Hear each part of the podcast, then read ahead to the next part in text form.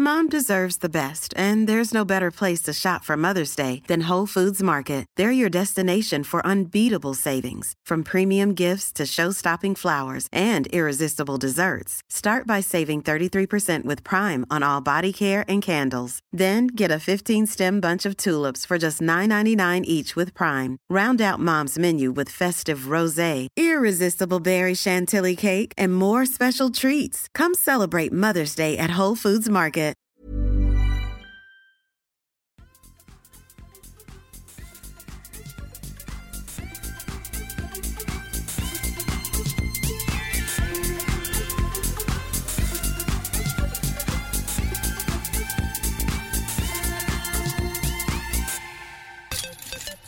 Four skriker vi och kastar oss in i avsnitt 127 av Kedja ut en podcast om discgolf. Jag heter Tommy Bäcke och jag gör det här tillsammans med Niklas Nyman och Elina Rydberg.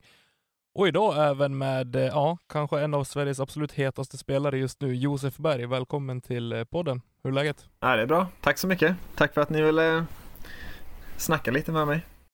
Ja, det var väl vi som har försökt fiska och få med dig och det har ju löst sig nu, vilket är jätteroligt. Ja, verkligen. Eh, vi kör väl igång en, eh, en faktaruta direkt och vi vet ju ditt namn redan och därför frågar vi därefter din ålder. Eh, 24. Vars bor du någonstans? Jag bor i eh, Borås. Vad jobbar du med? Jag snickrar. Eh, och sen så håller jag väl på Ja, det är väl mest snick det, det är så jag betalar mina räkningar och sen så håller jag på med eh, European Birdies som eh, är ett företag jag har startat eh, och eh, ja, jag har väl lite, jag, jag har liksom inte riktigt hittat eh, exakt vad det är, liksom, vilken riktning det företaget ska ta och så, men eh, det är under uppstart i alla fall. Och eh, sen, ja, gör jag någonting mer? Jag tror jag gör, um, ja, jag spelar väl discgolf. det är väl det. De tre sakerna. Jag snickrar, Startar European ja. Birdies eh, och eh, kastar frisbee. Ja. Hur länge har du spelat discgolf? Um, jag började spela när jag var 18 eller 19. Eller 18, för jag tog körkort och så åkte jag upp till uh, Umeå minns jag. Eller jag körde någon första runda typ i Habo och, och sen så jobbade jag på kollo då. Uh, uppe i Umeå och Luleå den sommaren. Och där minns jag att där så Um, faktiskt där banan som vi körde, Mariehemsängarna där, var en av mina första runder någonsin och så gick jag ett varv på deras veckotor. Um, ehm, och så finns ju lite vatten där och så jag kastade ner en frisbee där och så frågade jag vad gör de liksom med frisbee som hamnar där i. Um, och så, så, sa de, nej det är så äckligt så ingenting. så åkte jag dit och hämtade upp typ 50 diskar. Uh, och det var typ tredje rundan någonsin jag spelade. jag ringde runt till de som hade nummer och så, men så jag fick ett ganska stort starterpaket där. Uh, men i alla fall, det var väl typ, nice. uh, ja det var nice. nice. det var bara drivers dock, men, men det var nice. Så, men det var väl, ja det borde väl vara sex år sedan nu då. Ja. Mm. Vilken var din första disk? Förutom de här du fiskade upp? Ja, det var ju de. eh, eh, alltså första som jag köpte, det var, jag köpte en DX Aviar, en DX Rock och en DX T-Bird. På typ XXL i Jönköping eller något. Klassiska diskar. Ja. DX T-Bird är lite tvek. Eh, ja. Du, vilken det är... Det osar inte stabilitet. Eh. nej. nej. Jag minns fortfarande vart jag, vart jag tappade bort du, den. Du... Det var... Nej, skit i det. Det är inte så himla roligt att höra kanske.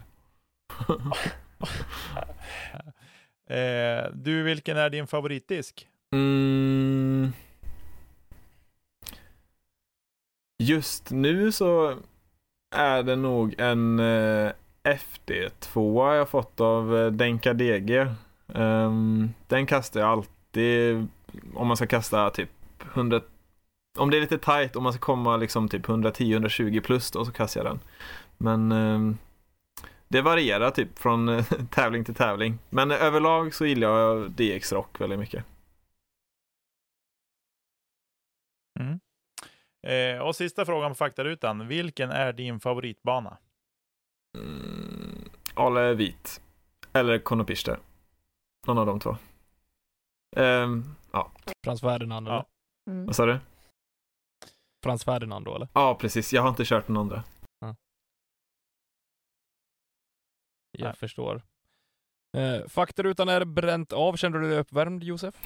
Ja, det kanske inte var så korta svar som ni skulle ha egentligen där, men eh, det... Jo, men vi ville ha diskussionen om Tycker det. de var bra. Vi ville leda in det för någonting. ja, det är bra. Ja, men känns... Eh, jag, tänk, jag tänker att vi ska fortsätta prata lite Josef och European Birdies och även eh, som sagt säsongen som har varit eh, hittills framför allt. Men eh, jag tycker att vi börjar med det som vi har färskt i minnet och eh, beger oss till eh, Västerhaninge och pratar lite lag-SM. Mm. Vi ska även beta av damsidan till Elinas stora förtret. Men eh, vi börjar i, i Stockholm. Eh, berätta Josef, vad dina känslor så här efter, efter guldet? Ja, precis. Nej, det blev ju guld och um, ärligt talat så, alltså den första känslan man kände efteråt var ju verkligen lättnad för alla har ju snackat så mycket om hur vi var favoriter och jag visste inte ens, jag hade inte kikat på hur vi var liksom rankade. Jag trodde vi var kanske trea eller någonting för att eh, jag gick ner massa i rating och Tobbe har inte haft någon bra rating och, eh, och så vidare och så vidare. Men vi hade ju rätt god marginal ner till tvåan så det förvånade mig faktiskt. Men eh, eh det ska ju verkligen spelas om det och det finns ju så många bra lag med många bra spelare och eh, men eh, vi lyckades ta hem det och det känns jättekul faktiskt. Väldigt roligt. Mm. Skulle du säga att ratingen har stor betydelse i, i, den, alltså i det spelformatet? Nej, ratingen har ju ingen betydelse mer än att liksom eh, Det är väl ett kvitto på ungefär vart man ligger och så men eh, Mm. eh, Det spelar väl lika mycket roll som det gör när man tävlar liksom. Det spelar ju ingen roll men Det är väl ändå lite visande för hur eh, Hur man spelar överlag Men Eh, Eh, jag menar kolla bara på Spindisk till exempel Spindisk FK ehm, de var väl typ sist rankade och kom femma och de gav oss en riktigt tuff match i gruppen och ehm, slog ut Västervik och allt det där. Så nej, men det tycker jag inte att man ska hänga upp sig på ratingen där. Nej men och sen också, alltså matchspel är ju så här att man vet ju att i MPO så ska det ju mycket till för att skåren ska skilja sig mycket och i matchspel så spelar ju det nästan Mm. ingen roll ens. Alltså mycket av misstagen kanske inte är från alltså green till korg. Alltså putta kan ni ju göra i princip alla.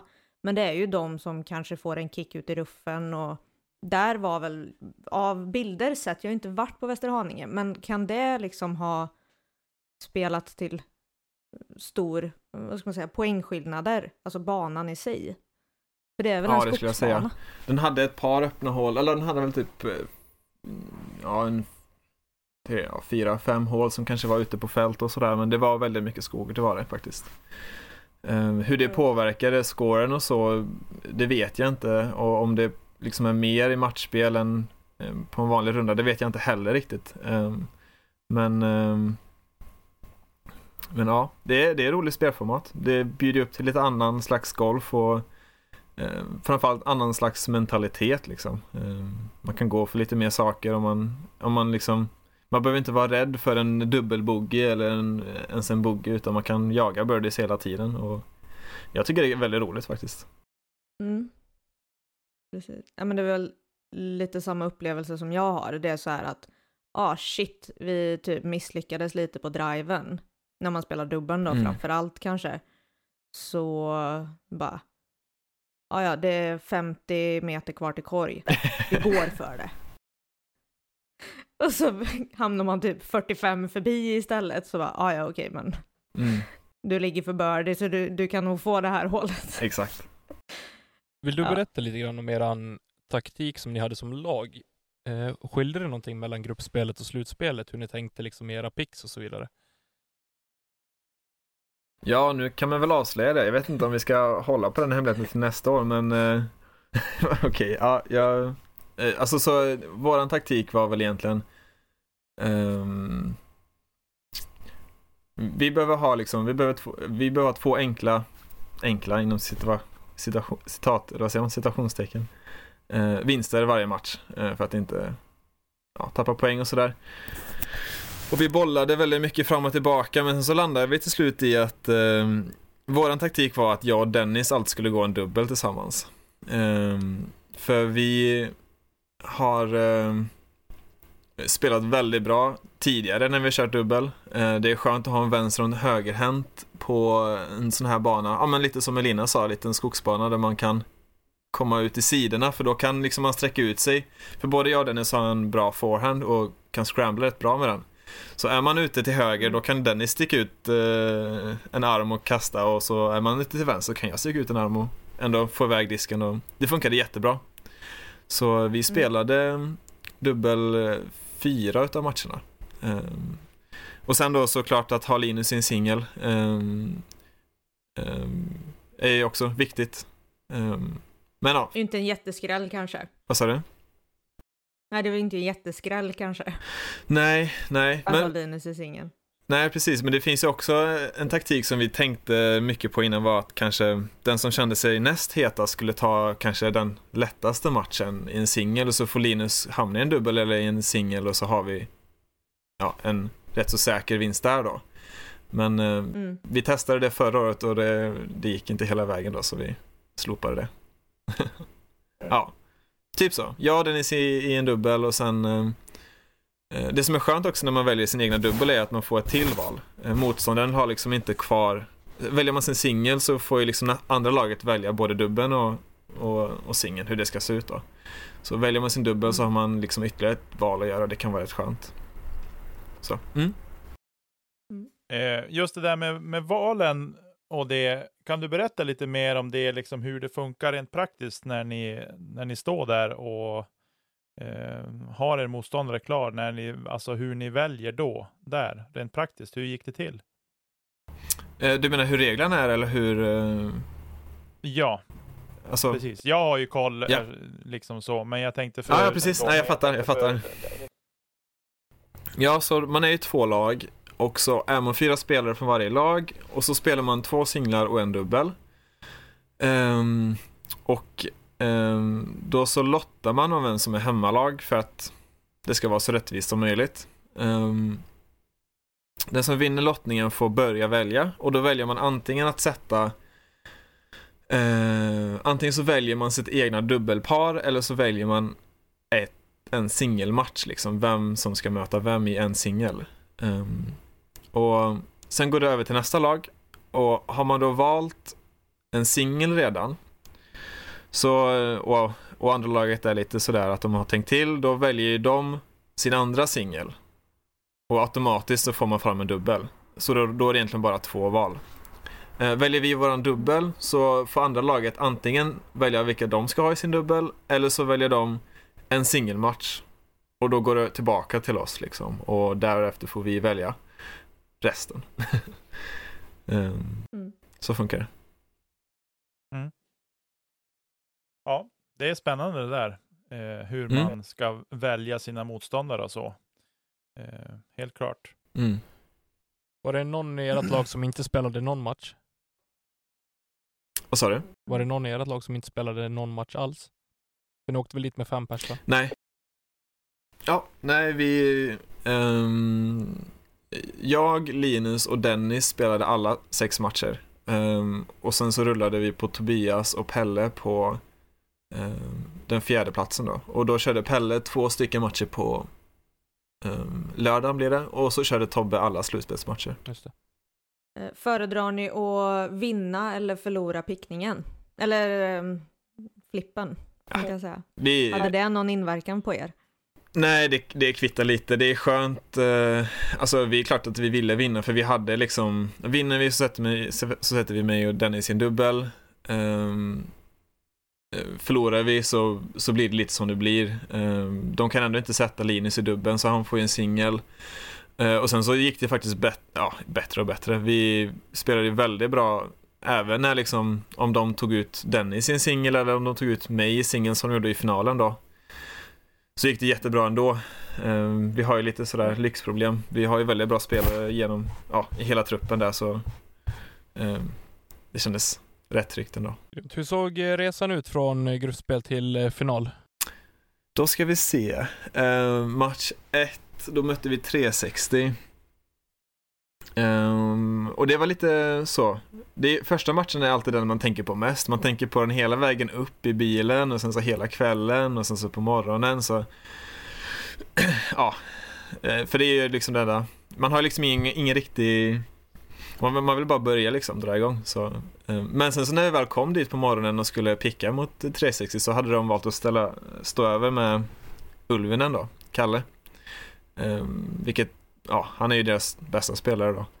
Så ehm, de, val, de sa det i efterhand att de kanske kände att de istället satsar på andra platsen än att liksom ödsla energi på mig. För Kalle hade inte tränat så mycket så han ville spara sig tydligen då till de andra matcherna. Um, så um, ja, vi vann ganska så stort där. Um, men det var ja, en god start på morgonen liksom. Man är ju trött tidigt så, så. En relativt snabb seger faktiskt. Och det var skönt också för då får man längre lunch. Det tyckte nog 360 också var rätt gött om jag ska vara ärlig. Eh, men eh, ja, Eh, därefter mötte vi Spindisk var sist, så då mötte vi Skellefteå. Vilket var, de är väl regerande mästare. De var regerande mästare. Um, och den matchen, eh, det är klart att den, den var lite, den kändes väl lite tuffare så, för de hade ju alla sina spelare med där och så. Och men eh, ja, det är så många matcher så det är svårt att liksom ta ut eh, någonting speciellt så. Det enda jag minns var att jag och den, jag spelade ju dubbel som sagt alla matcher förutom i finalen. Och jag minns att jag och Dennis stänkte så mycket Circle 2 och Circle 3 puttar så det kändes nästan eh, man skämdes nästan för vi kastade lite så här halvbra men vi satte allting liksom så. Eh, så det är väl det jag minns från den matchen att vi satte mycket outside puttar. Eh, ja, Spindisk var sista matchen och då var det avgjort att vi skulle gå vidare i alla fall. Och även Spindisk eh, hade tagit sig vidare då. De hade vunnit sina två matcher. Okej. Okay. Eh, okay. Men eh, ja, det var jättetrevligt. Jag, jag spelade ännu en gång då såklart med Dennis i en dubbel mot Sam Sonnefelt och eh, Johan Gerisch. Och de var superduktiga. Sam satte massa puttar och spelade väldigt bra och Johan också. Um, um, ja, väldigt trevlig runda alla runder var väldigt trevliga. väldigt så. Måste vara skönt um, att kunna ehm. spela en match och, och, kunna spela avslappnat när man vet att man kommer att spela slutspel ändå liksom. Ja, precis. Det var lite snack om eh, Linus hade väl, han var väl lite sugen på kanske att vila och jag var också lite sugen på att vila. Ehm, men vi kände ändå det att, alltså, dels så är Spindisk väldigt bra i matchspel så här för de har ju tagit sig vidare långt och slått ut bra lag så. Eh, vi kände väl att det är väl ingen lätt match så. Och så det är dumt också att riskera någonting och liksom råka komma tvåa i gruppen och så får man lite svårare kvart och åka ut där liksom. Eh, så vi, vi körde liksom fulla, vi körde, vad ska man säga, vårt A-game där också. Och det var en tight match, eller en relativt tight match ändå. Så. Men vi vann, så gick vi vidare som grupp etta.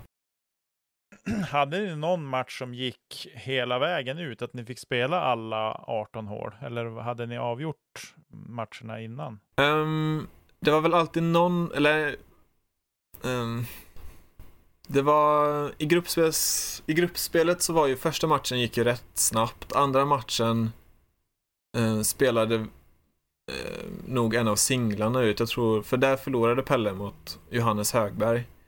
Och de spelade väl i alla fall till sista eller näst sista hålet tror jag.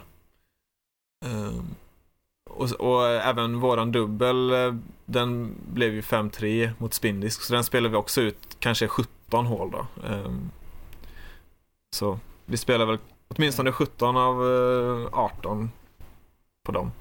Ehm, ja, det är ju lite intressant det där i och med att man inte spelar alla hål om det inte mm. behövs. Mm. Så att säga. Ja, Eh, så avbryter man. Ja, det, när det är avgjort. Precis, det hände sen i, i slutspelet. Till exempel ja, men när vi mötte Onsala då i kvarten så hade singlarna gått jättebra för oss. Så matchen var avgjord och då hade vi fyra eller fem hål kvar i dubben och visst, det, det var lika i dubben. Eh, men då valde vi faktiskt att dela den matchen. Eh, jag, vet, jag minns inte om vi gav varandra liksom varannat hål resten eller om vi bara avslutade matchen där. För den, det spelar ingen roll i slutspelet, där är liksom inga poäng som går vidare eller någonting så då tog vi liksom en lite längre paus istället och, och Onsala var helt med på det också såklart. Um, även i semin um, så var det tal om att göra det. Även, ja, nu kanske Dennis förlorade ändå, men de ville spela ut men ja, jag tror att i slutspel så är det nog ganska smart att inte spela klart om inte man måste. Om en match är avgjord så avbryter man andra liksom, om det är en kvar till exempel. För det är ju väldigt intensivt, det är ju liksom sex runder på två dagar. Åtta runder på tre dagar om man räknar med träningen. Så det är skönt att få all vila man kan. Mm. Mm. mm. Vi är framme i semi, hur gick det där då? Och vilka mötte ni? Eller hur gick det? Vilka mötte semi. Ni? Hur vet du hur det gick? um, nu ska vi se här. I semi mötte vi Järva. Och ehm, där så för första gången spelade inte jag en dubbel med Dennis utan med Tobias Söderqvist. Um, och jag vet inte, som sagt, jag har svårt att säga hur det var för singlarna där. Jag tror Dennis hade lite tufft, han förlorade sin singel. Um, men Linus avgjorde rätt snabbt och vi avgjorde våran dubbel rätt snabbt också. Vi stack iväg lite där i slutet så. Um, ja, vi vann väl kanske med en 5-6 kast, vi och sen så Linus också. Så. Mm. Ja, det var skönt. Mm det, det, det var skönt att, inte, liksom, att matcherna inte blev sådär super tajta eh, utan ja, att man kunde spara energin till finalen där då. Och där var det Brunna som mm. fick lägga manken till. Ja, stämmer. Um, det, vi hade väl, ehm, det kändes väl på förhand om man tittar på pappret att de skulle vara där. Ja, det väl det andra laget kanske som var närmast oss, eller vad man ska säga. Tillsammans med några till, men Brunna var väl de vi tänkte vi kanske skulle kunna mött om vi gick till final. Så ska jag ta igenom den matchen också? ja, ja, men äh, där så, ja, jag, jag, jag försov mig äh, till pickningen kan man säga, eller jag slumrade lite i, i minibussen. um, vi hade käkat precis innan så jag var lite trött där. Så jag kom, när jag kom fram till pickningen så hade de valt mig, och, eh, de, eh, Brunna hade valt eh, sin pickning, och, eller pickningen och satt mig mot Elias i en singel. Och så blev det Linus mot Källström i andra singeln, Marcus Källström. Eh, och så spelade Tobbe och Dennis mot eh, Brännström och Max Ringbom. Så det var matcherna. Um, och jag, jag hann faktiskt inte, jag hann inte kasta ett enda kast innan uh, vi gick ut. jag typ, jag tror jag gjorde så här tre, fyra puttar innan rundan och sen kasta. Uh, ja, sen startade vi. Um, och ja, det började lite skakigt både för mig och Linus. Jag, jag kommer fram till green hyfsat men liksom brände, jag airballade två puttar där så det var en treputt för mig och så tog Elias en poäng. Och även Linus brände en putt så han tappade också en poäng. Så vi låg under med, eh, ja, ett, med 0-1 då. Redan efter första hålet. Um, men därefter så vet jag Linus fick sju birdies i rad och jag fick åtta birdies i rad. Um, så Eh, Vi ryckte lite där. Det kom ju lite regn och så, så det var ju lite konstiga förhållanden. Det var liksom regn en sekund och uppehåll den andra sekunden så eh, Typ eh, Marcus Källström fick jätteotur med när det regnade inte. Liksom, när Linus gick upp och kastade var det solsken och, och helt torrt och sen så liksom spöregnade det 20 sekunder senare. Och det hände typ på två, tre teaser rad så det var lite sådär komiskt. Ehm. Men ja, i och med att jag och Linus fick en sån riktig het streak där så var det väl svårt. Eh, ja, de tog ingenting på oss och så när de inte tog birdien så fick vi poäng så när vi var framme på hål 10 tror jag att vi hade 7-1, 6-1 i våra matcher. Um, mm. Och ja, det kändes rätt så tryggt faktiskt hela vägen där sen. Um, man, det var liksom, vi kom i ett stim och sen så var det avgjort kan man nästan säga. Det är klart, det fanns ju hål kvar att spela om och så men mm. det var några öppna hål och ja, inte så många eh, vad ska man säga? De första hålen kanske, de på banan där var lite slumpartade så det kunde hända lite vad som helst. Även om man kastade bra kast så kunde den liksom ja, rulla ner för klippan som en korg låg på eller så var det något träd i fairway som den kunde träffa. Ehm, men de sista hålen är lite mer rättvisa, i alla fall innan de kommer till 16, 17, 18 där. Ehm, eller ja, 15, 16, 18. Så, det kändes tryggt. Efter håll 10 så kände, jag tror Linus sa efter håll 9 eller håll 8 att det var avgjort. Och jag minns inte det, men han hade tydligen sagt det och då sa jag att lugna dig nu eller något. men, ehm, ja. Så, sen så. Men man vet ju, går Linus in med den känslan då, då är det nog lite som kan stoppa honom. ja. Åtminstone honom. Ja. Ja, tyvärr så var han tvungen att göra det lite spännande för han, han tappade typ tre, när, när han hade liksom en putt för seger så tappade han tre eh, hål i rad därefter så jag tror hans match blev 8, 4, nej 9-4, han tog en där sen. Så. Men um, ja, det kändes, kändes säkert hela vägen där. Vi får säga stort grattis i alla fall till eh, ett SM-guld. Ja, tack. Tack, tack. Inte helt fel. Så tänk att vi tar oss bussen ner mot Örebro-trakten till Brevensbruk. Ja, du ser. Mm -hmm. Hade det kvar.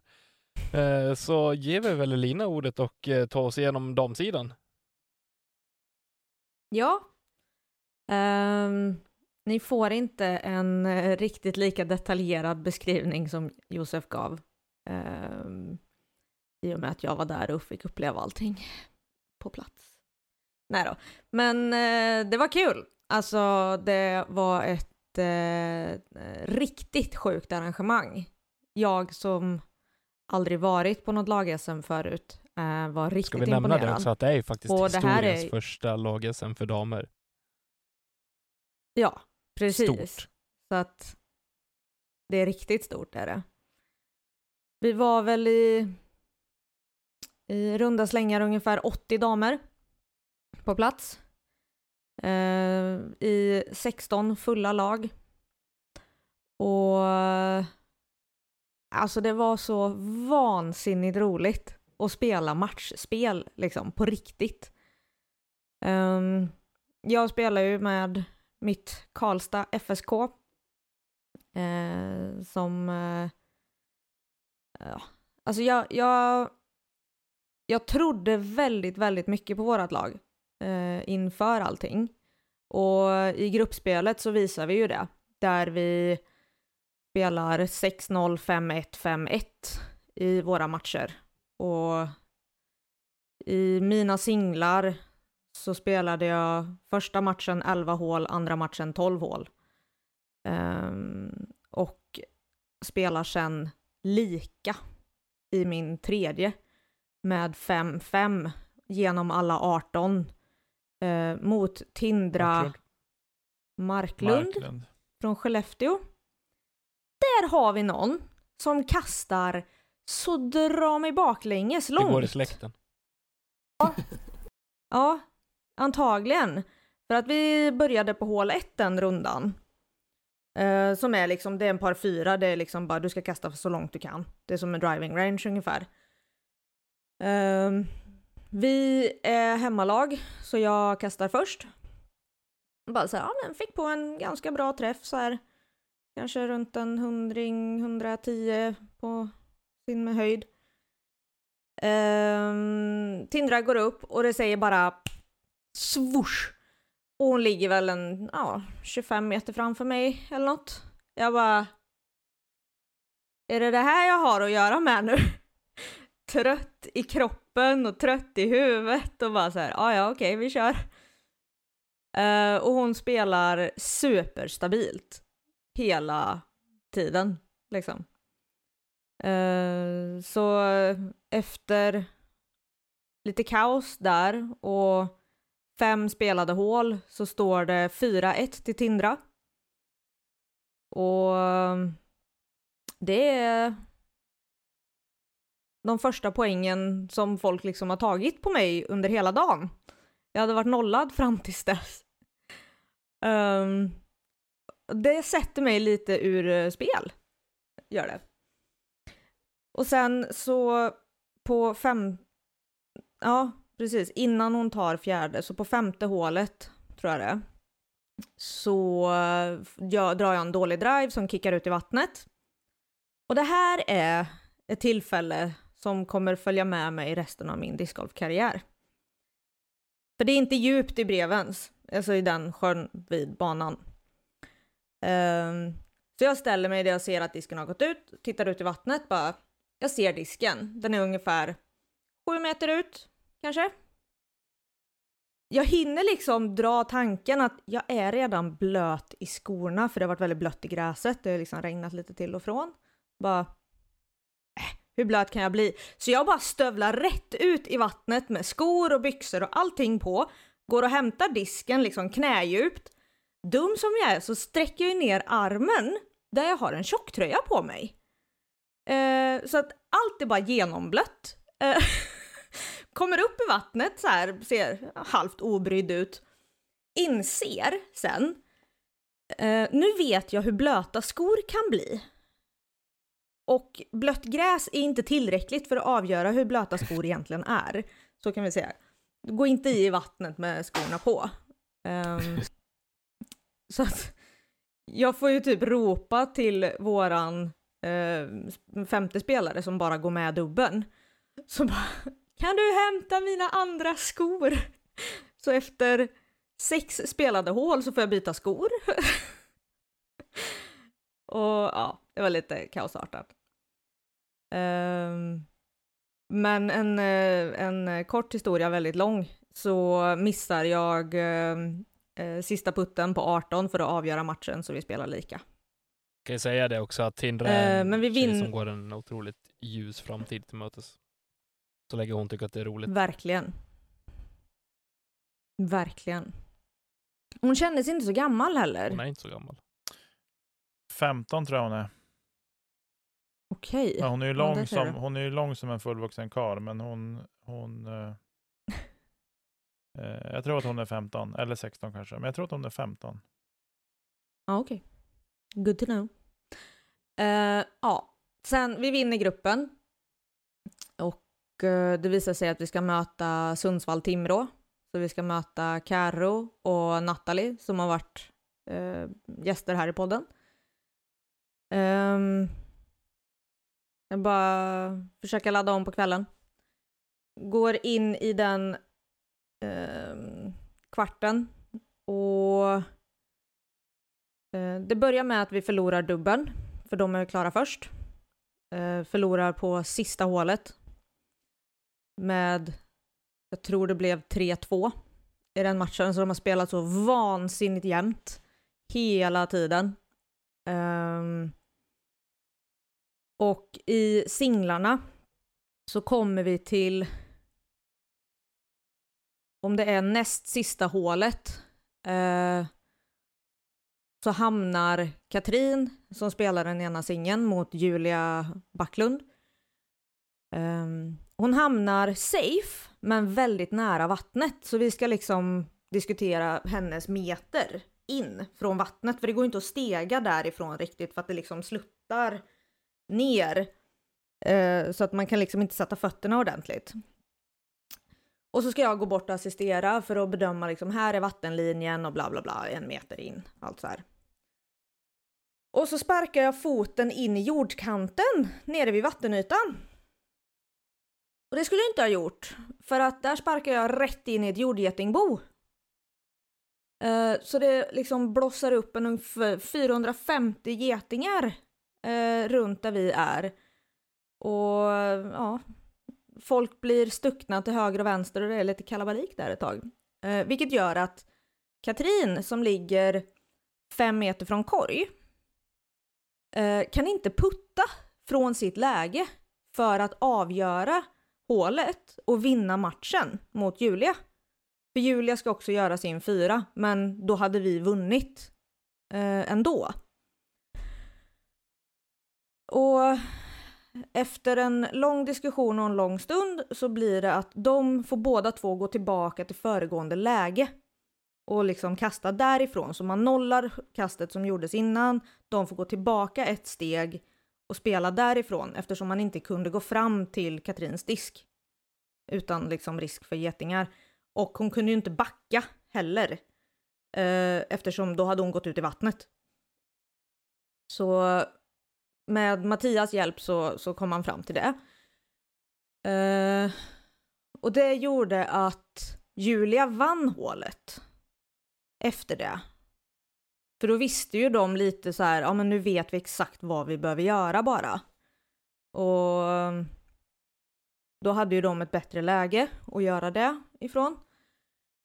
Så de spelar, under tiden de spelar sitt sista kast där, så går jag lika med Natalie i våran singel. Så vi spelar 5-5 efter 18 hål. Så vi har en förlust och vi har en oavgjord. Så att vinner Karlstad den andra singeln, då ska jag och Natalie fortsätta med särspel. Um, och så får de ju spela sista hålet. Och Katrin kastar OB på driven, Julia ligger safe och Julia vinner hålet med ett kast över Katrin. Och vi är ute ur kvarten. Så då får vi gå ner och spela om åttonde till femte platsen. Och direkt efter det så... Först så går jag ju fram till eh, TD och frågar, spelar de här placeringarna någon som helst roll i år? Och det gör de inte um, utifrån nästa år eftersom vi är mixade lag från olika klubbar och sådär, olika städer. Så min första tanke till tjej, eller min, det första jag sa till tjejerna efter att vi hade kommit upp och jag hade fått svara till det att det inte spelade någon större roll var, ska vi åka hem nu? För jag kände mig så färdig med att vara där. Uh, och de bara, men vad, vad, vad spelar vi om nu? Bara, ja, men vi kan bli femma. Det är liksom det bästa vi kan bli nu. Och så säger de bara, ja, men då blir vi väl det då. Så jag fick lägga mig. Ja, det tycker jag var helt rätt också. Så jag bara, du kan ju fan inte åka hem. Ja.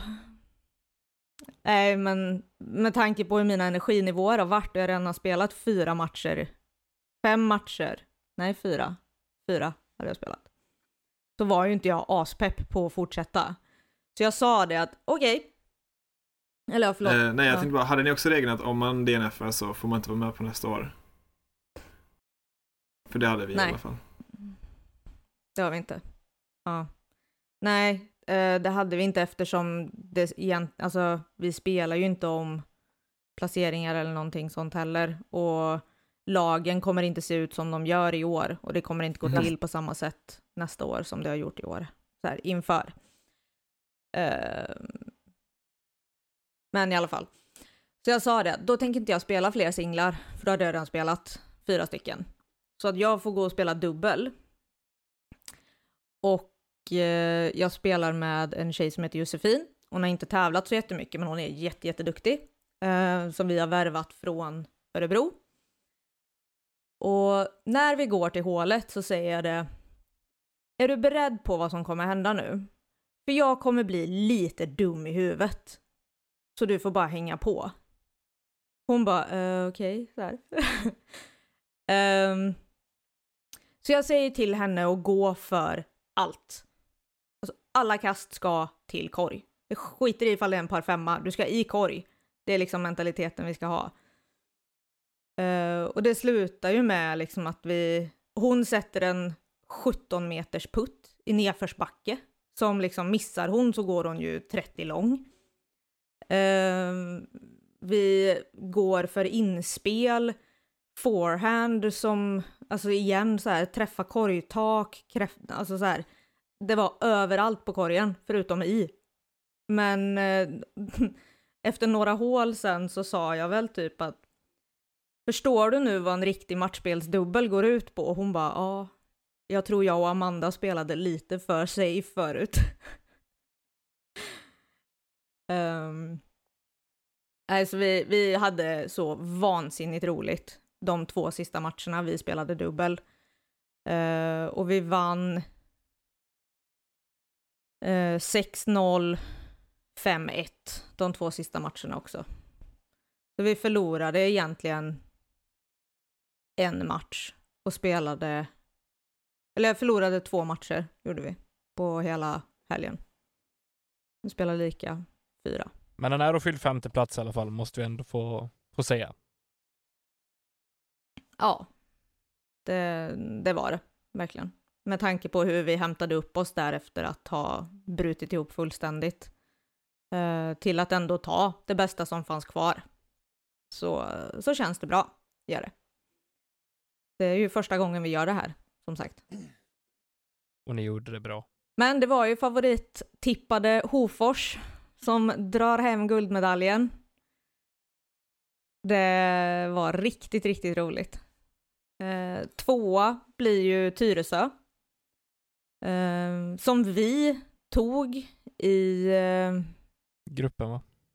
Gruppspelet? Eh, gruppen, ja precis. Med eh, 5-1. Det blev lika i en match. Där.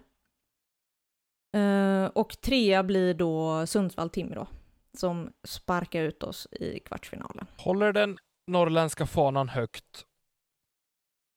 Uh, mm. Ja, men som sagt, två lag som har spelats.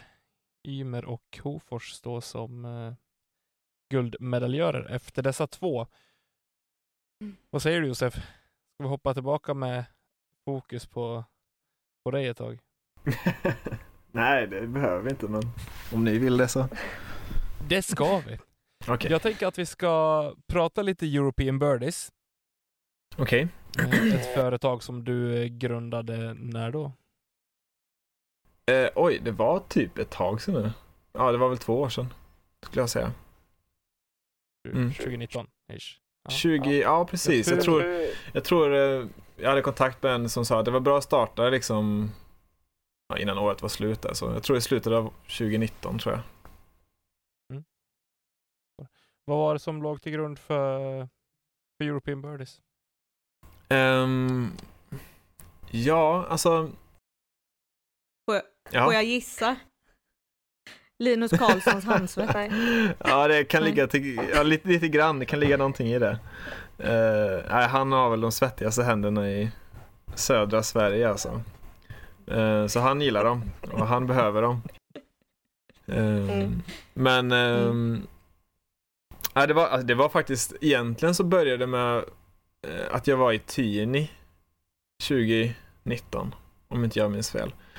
Eh, och så såg jag eh, när de, ja, amerikanerna, när Whalesax var där och sålde. Eh, och så var det en jättelång kö liksom till deras tält och eh, Mm. och jag tänkte, ja lite typ, okej okay, men hur svårt kan det vara liksom att sy en greppsäck? Och deras greppsäckar kostade ju också väldigt mycket. Eh, just där, jag vet inte om det var typ 200 kronor eller någonting Jag tänkte ja men det, det borde man ju kunna göra enklare. Ehm, så, så jag började sy. Jag, jag kunde faktiskt inte sy. Jag gick design på gymnasiet. Um, men det var att sy och sånt, det var rätt frivilligt. Utan det var mer liksom att man fick lära sig att skissa och sketcha och matcha och färger och allt sånt där. Då. Uh, så jag typ köpte mig en liten symaskin och började sy och alltså det är så roligt att se tillbaka på de första fåglarna och det finns faktiskt några ute. Jag kall, det, från början så tänkte jag döpa det till Puff då. Uh, och det finns ute några fåglar tror jag med en Puff-logga. Som var, jag tror jag gjorde dem till Pippi-jakten det året eller någonting sånt där. Det är kul. Uh, jag har sett några som fortfarande går runt med, med dem så det är väldigt roligt. Uh, men men det är liksom det är som det är med allt. Alltså om man gör en någonting, en produkt eller eh, om man har en idé och så slipar man lite på den och så slipar man lite på den och så gör man det typ 2, 3, 400 gånger och till slut så börjar det liksom likna någonting och, som man är nöjd med och men sen så gör man kanske tusen stycken till eller vad det nu är och så tittar man tillbaka på den man var nöjd med från början där. Och så tänker man okej, okay, ja, hur kunde jag vara nöjd med den? Ehm, men till slut så liksom började jag få fram en form som var skön, jag hittade tyg som funkade liksom, för det är ganska viktigt liksom vad, vad man har för material. Ehm, men jag hade ingen fyllning som var bra. Tyvärr så kommer jag inte kunna avslöja vad det är jag har i för det tog så himla lång tid att, att hitta. Det är många som frågar och eh, jag har bytt lite under tiden så de, de tidigaste är inte lika bra som de senaste. Och i år så har jag en ny fyllning i då, mm. eh, som, är, som är faktiskt är super, super bra. Um, men eh, folk har frågat lite grann om det är så här, om är det miljövänligt eller är det säkert och sådär. Och det, det som jag har i är liksom, det är helt, helt naturligt och miljövänligt och du skulle nog kunna käka det tror jag. Om du vill. Vissa gör det faktiskt, det är inte, men ja, skit i det. Um, men om jag får hänga kvar lite där, för det som du säger nu, liksom att just fyllningen har blivit bättre, det kan jag också gå i god för, för jag har några av de väldigt tidiga. Och så har jag någon som var, ja men, när du bytte färg på några eh, till de här teamspelarna. Mm. Och sen så har mm. jag Ching, som släpp, den som mm. vi släppte tillsammans. Och den är ju den mm. bästa jag har provat. Får jag bara sticka in här? Shoot. Mm. Jag, jag, har aldrig gillat greppsäckar, någonsin. Sen köpte jag, mm. ja men också bland, precis när du, när du släppte de första, och tänkte, ja men, mm. då tänkte jag liksom att, men det här är inget nytt inom situationstecken. Är du med vad jag menar då? Ja, absolut. Att, att, du får inte ta det fel. eh, men jag tänkte, men jag, jag, hade med mig den i bagen och så liksom, och så, sen vann jag faktiskt eh, eh Shings giveaway med den eh, du gjorde med dem. Mm. Och Elina är inne på att det är den bästa som har gjorts. Ja, den täcker absolut flest, om man säger flest tillstånd i händerna, kan man säga så? Utan att det blir jättefel. Men jag har också märkt nu efter ett tag att de gamla, de fyller sitt syfte och det är när jag är jäkligt svettig i händerna. Alltså bara svettig av att det är fuktigt ute och mm. liksom blir kladdig. Då mm. tycker jag nästan om den bättre. För mm. då vill jag inte liksom ha massa pulver som lägger sig uppe på. Mm eh, svetten så att det blir som geggigt mm. i handen. Mm. Medan de nya som faktiskt ger ifrån sig ett bättre ja, men pulver, som de som faktiskt läcker lite grann, eh, de gillar bättre när det är lite kyligare och när det faktiskt är blött ute. Mm. Så jag använder båda. Mm. Nice. Och jag har aldrig använt någon annan efter att jag använde European Birdies. Det känns stort. Ja men det är bra. Det som är med den, det som är med den senaste fyllningen det är att den, den, den drar också Alltså ja, alltså den, den ska också liksom suga upp eller absorbera olja och så då. Och handsvett är ju väldigt mycket olja. Så de första funkade väldigt bra till fukt eller eh, lite sådär då. Um, men den nyaste här nu är eh, bra för både olja och fukt. Um, så. Det är väl det som är den stora skillnaden. Mm. Så jag känner en väldigt stor skillnad, även om jag faktiskt inte har så stort behov av greppsäckar. Eh, jag skulle snarare behöva en handkräm som fuktar upp händerna lite grann.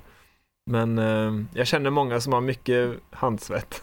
så, så de går mm. i god för att den, den funkar väldigt bra för dem. Så, så, så är det. Så, ja. Var det så det gick ut de med är... när du sökte teamspelare också? Jag söker folk med mycket handsvett. ja. Får komma ner på test. Ja. ja eh, jag beställde ju en av King som jag inte kommer ihåg om jag fick betala för eller inte innan det var klart. Men i alla fall, jag har en sån och den är helt grym. Det är den bästa jag har haft mm. kan jag säga, rakt av. Och jag har testat ett gäng. Och nu i helgen när vi spelade, eh, jag brukar inte behöva använda den liksom om det bara är torrt eller att det är lite fuktigt. Då går mm. det bra. Men nu i helgen när vi spelade så har det ju regnat och varit blött och det har, diskarna har aldrig varit mm. torr, egentligen någonsin eh, och så. Men det har aldrig varit ett problem kan jag säga under den här helgen. Och det var inte, det var inte Västerviks regn som det var på SM, men vi hade ändå rätt blött igår när vi spelade. Eh, Och nej, jag är sjukt imponerad faktiskt. Den är riktigt bra och jag kommer nog inte vilja ha något annat heller tror jag. Ja, faktiskt. Så jag blir så himla glad. Alltså det är verkligen, det är så roligt. Jag menar jag har suttit själv i så många månader och bara sytt och sytt och sytt och vet, ja, man, man får ju inte så mycket feedback och sådär men det är kul att höra när det liksom, att det funkar och att folk uppskattar det. Och... Ja. Så roligt. Nej, det är hatten Mm. av. Jag kan varmt rekommendera den till alla lyssnare att lägga order. För det, jag var inne och kollade på hemsidan och det står out of order eller out of stock eller någonting. Så det är bara in och beställa så Josef får sitta och sy nu en, hela vintern. Nej, nej, men det, jag tror, Eh. vet du vad, jag tror att det finns, eh, det var faktiskt så att jag skulle sitta upp jättemycket mer inför den här säsongen. Eh, men jag la undan typ två, tre veckor för att just göra det och första dagen så går USB-stickan sönder. Eller jag har liksom en liten speciell symaskin då.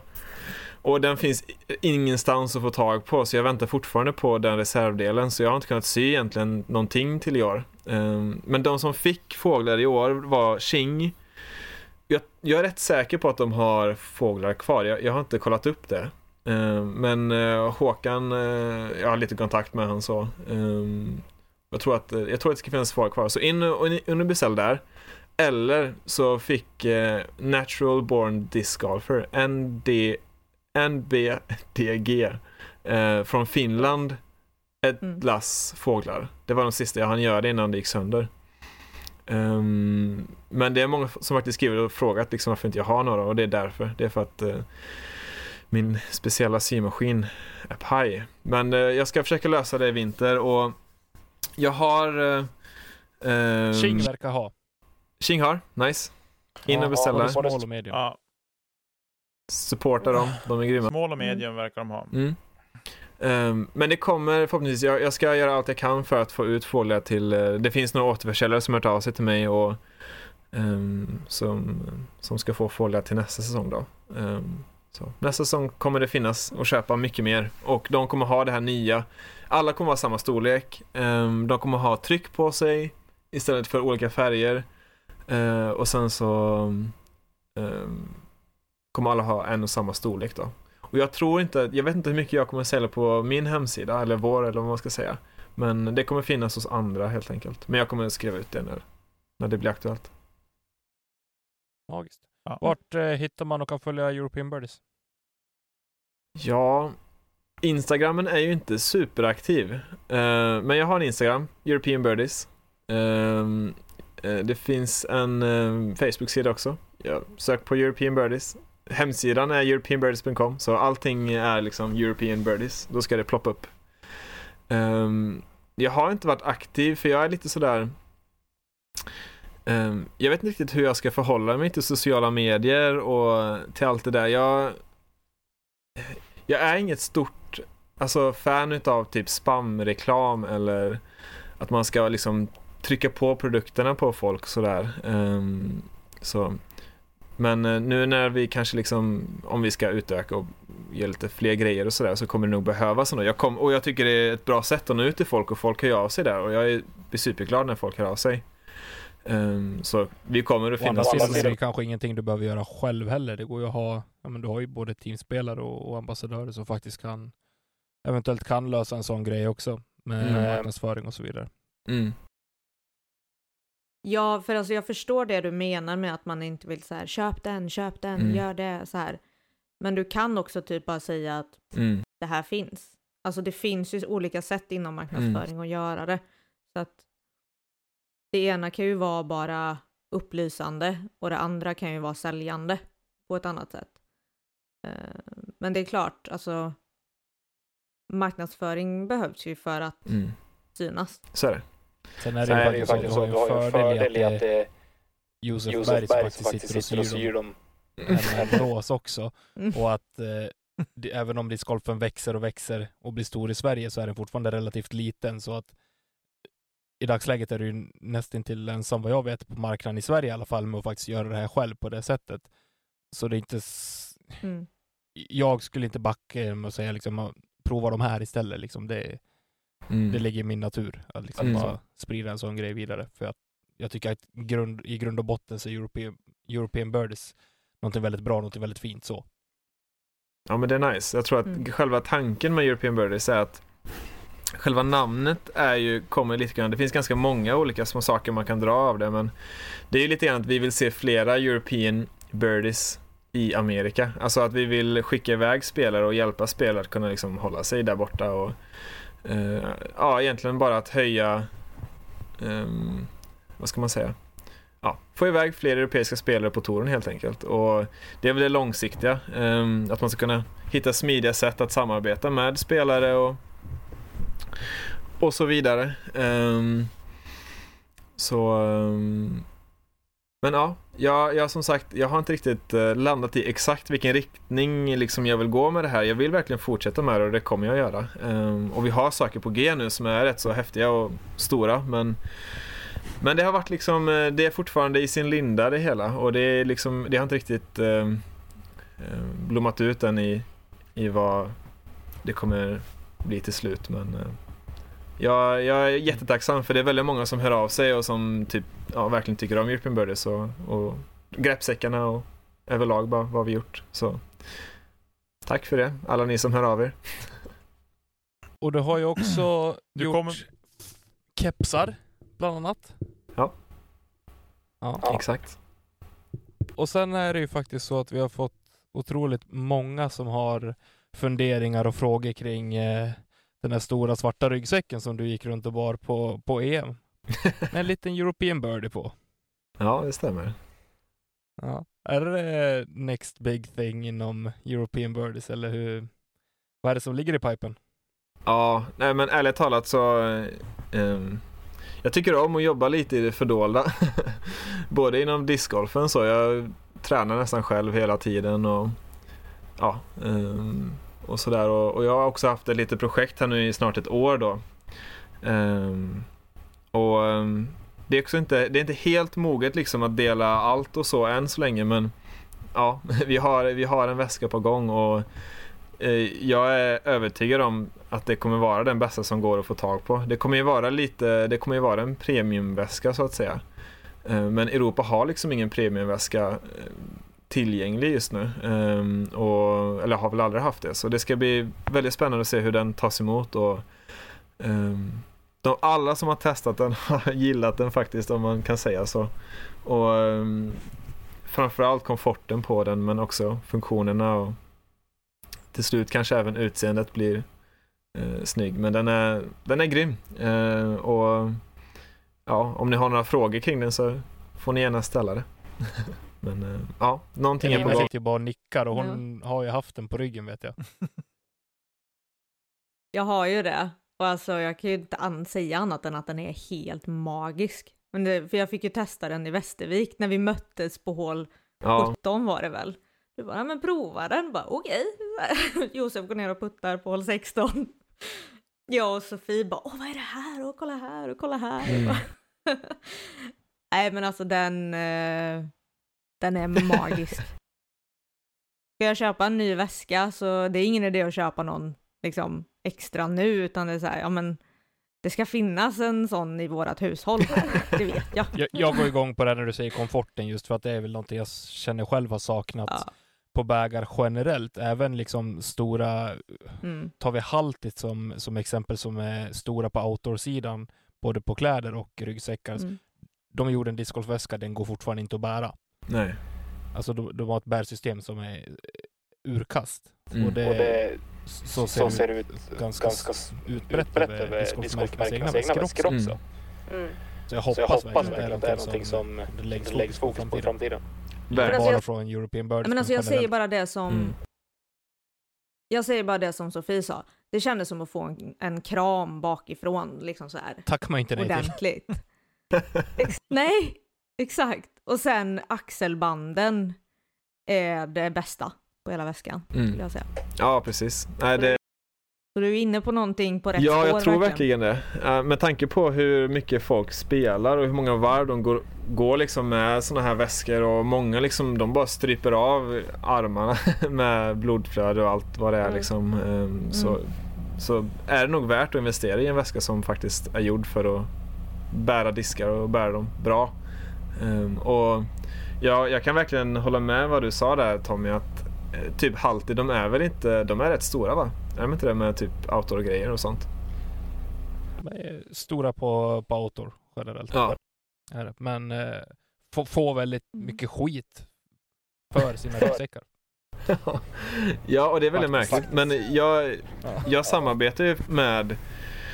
Jag, jag kommer ju gå ut med allt sånt här när det, när det är moget liksom. Men, Eh, men de jag samarbetar med, alltså ni har nog alla liksom någon form av liksom plagg eller väska eller någonting hemma hos er. Alltså det, det är stor, de har gjort väskor i typ snart över 100 år eh, och det är ett familjeföretag. Eh, men de har, de har gjort lite nya saker typ ett tag nu men eh, jag kontaktar dem och så håller vi på att utveckla väska. Men jag blev faktiskt förvånad över just det där. För första prototyperna var inte alls sköna. Och, så jag har fått gått in och ganska sådär noggrant liksom visat okej men så här ska axelbanden se ut eller ryggplattan eller allt som har med det att göra. Så det vi, designen, ja. Jag har försökt att få med det mesta på den och vi har gått över varenda lilla, liten söm. Men ja, det krävs en del jobb eh, och jag kan förstå varför, eller varför väskor är obekväma. För det är jättesvårt att göra bekväma väskor och det krävs, jag vet inte, jag har lagt ett år på det här eh, och det är ju rätt dyrt. Jag, har inte tagit, jag tar inte någon lön eller betalt för det än. Så, ehm, det är dyrt om någon ska liksom sitta och designa det här så länge. Men Sen är Ja. det också en kompensation med, med vikten på det också sen. Så ja, mycket att precis. tänka på. Ja, det är mycket att tänka på. För hur mycket diskar har du i din väska nu Josef? Ehm, jag, har, eh, jag har inte sådär jättemycket diskar. Jag har kanske typ en 17, se- eller jag kanske har en 16 i huvudfacket. Ehm, sen har jag två putters och ibland har jag lite extra, typ approach-diskar eller sådär i andra fack. Så typ runt en Eh. 22. Mm. Ja men upp till 20, ja men precis, men runt 20 i hela Mm. väskan liksom. Med vatten och någon extra jacka och något sånt där. När jag provade den i alla fall. Och alltså jag måste säga att den är ju vansinnigt lätt. Även om den är Mm. Ja, när du-. För jag lyfte ju upp min egen väska efteråt och höll på att vika Ja, mig precis. dubbel. Nej, när du kände på det då Eh. var det nog fullmaxad med både vatten och typ fem handdukar och massa diskar och ja. Då var den tung. Eller ja, den var väl kanske lätt Mm. då men tyngre än vad den Ja, brukar vara. för- Ja, för, för en annan var den ju det, men den var ju tung gentemot vad den kanske borde vara. Men Mm. ja, det blir spännande. Se vad som händer. Eh, innan vi rullar vidare här så kan jag säga Josef, du kommer alltid ha, ha fri och gratis reklamplats i våran podd i alla fall. Så har du något du vill annonsa så kan du göra det hos oss. Supertack. Eh, men du, den här säsongen då? Jag tänkte vi kan kanske börja, det har ju blivit så förskjutet. NT vart ju skjutet på, det var ju tänkt att det skulle vara klart typ i juni. Eh, allting har ju blivit förskjutet på grund av den här coronan. Eh, men jag tänkte att vi hoppar på EM, Konopiste. Eh, där du dök upp som en, en riktig raket, måste vi väl säga. Eh, och bjöd på fantastiskt fin discgolf. Eh, kan du ta oss igenom EM lite snabbt? Ja, absolut. Så gott det går. Absolut. Ja, ni får bara bromsa mig om jag babblar på för mycket. Men eh, Nej, kör. kör. okej. Alltså det, allting börjar väl egentligen eh, Eh, tävlingen innan, eller två tävlingar innan. Det var ju par-SM och så var det Linköping innan det. Eh, och de två tävlingarna var typ kanske två av de värsta tävlingarna som jag har spelat på väldigt länge. Eh, och var verkligen en sån väckarklocka för mig att man kan inte bara typ ta semester och roadtrippa och bo i en bil i tre veckor tror jag att man ska spela bra. Ehm, så jag fick mig en rejäl eh, läxa och sänkte mig själv typ, jag vet inte om det var, det var närmare 20 poäng liksom på en tävling på min rating där. Um, så det var en liten wake-up call där. Så, men i alla fall därefter så, så la jag manken till och gick faktiskt ut och tränade och kastade och putta och försökte få in uh, ja, tekniken igen och tajmingen och allt det där. Men uh, ja, sen uh, kom vi. Jag, bodde, jag åkte dit och bodde tillsammans med Max eh, Regitnig eh, i Prag där och åkte ut till banan och spelade och det var ju verkligen Banan är ju helt, helt fantastisk. Ehm,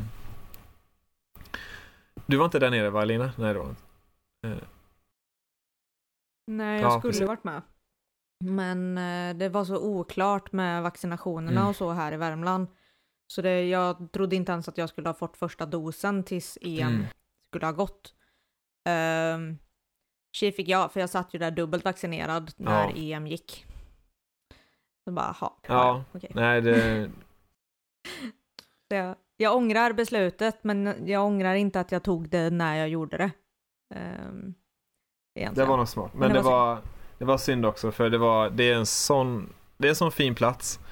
Eh, och sån speciell miljö för träden där är ju, jag vet det känns som att de var typ 200 år gamla och hur stora som helst och gräs på fairway och superfint. Så, men eh, ja.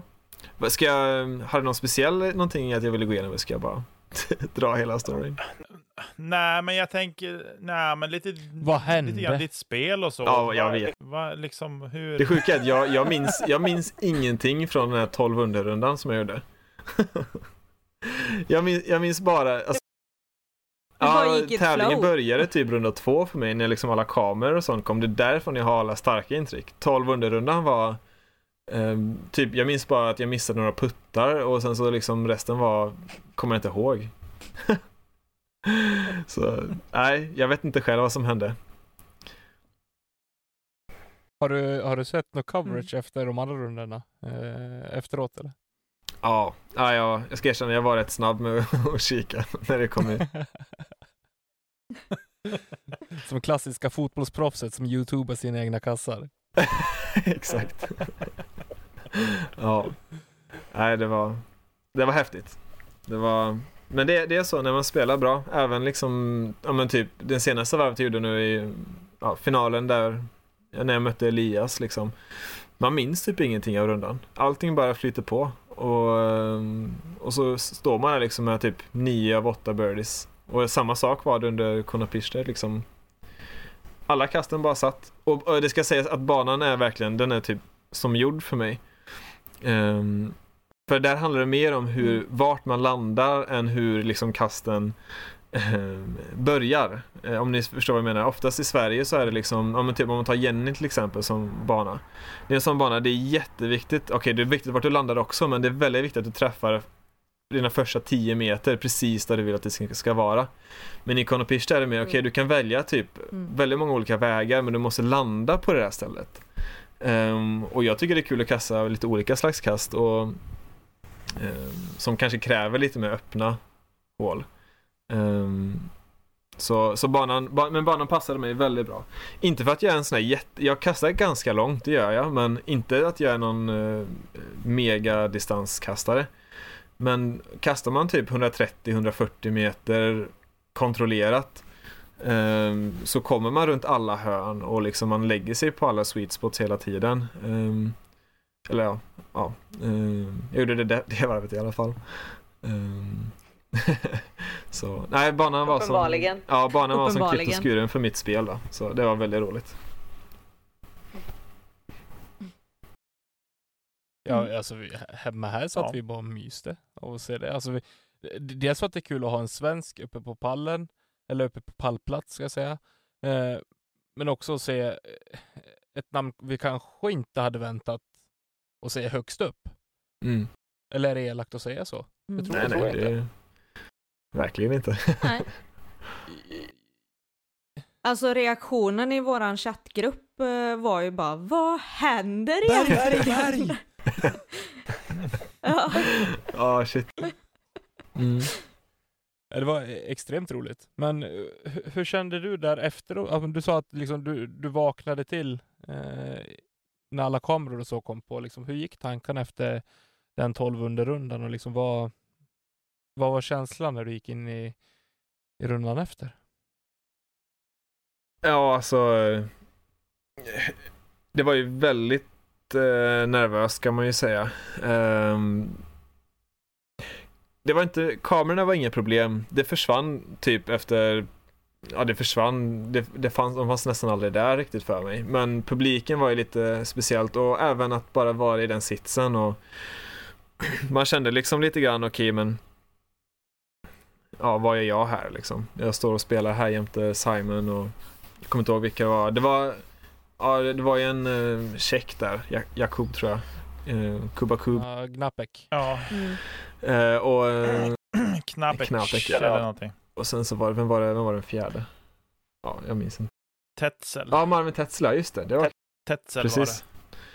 Så det var ju, det var ju roligt. Och, eh, men bara att, bara att vara i den sitsen. Det var så sjukt. Eh, så det tog några hål och jag minns att jag minns när det vände, det var på hål 4. Jag var jättenervös fram till hål 4 och så, så hade jag en typ 12 meter eller någonting sånt där.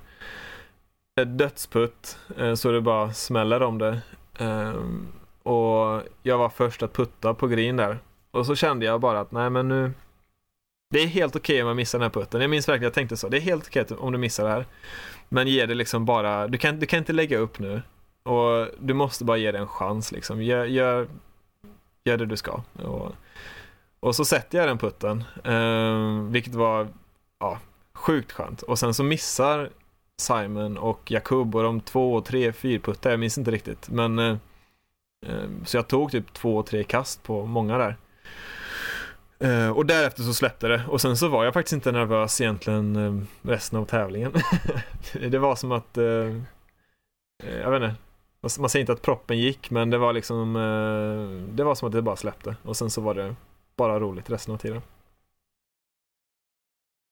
Mm. Ja, Mm. det var otroligt roligt att följa också. Det, jag tror jag pratar för hela discgolf Sverige. jag säger Ja. så. Eh, som jag som är ett stort Lisotte-fan, hur var det att spela med Simon? Så, hur var han liksom? Man har ju bara sett coverage på honom och så följt han på hans YouTube-kanal såklart. Men hur var det att spela med han och prata med han och så? Han var supertrevlig. Han var precis, alltså vad ska man säga?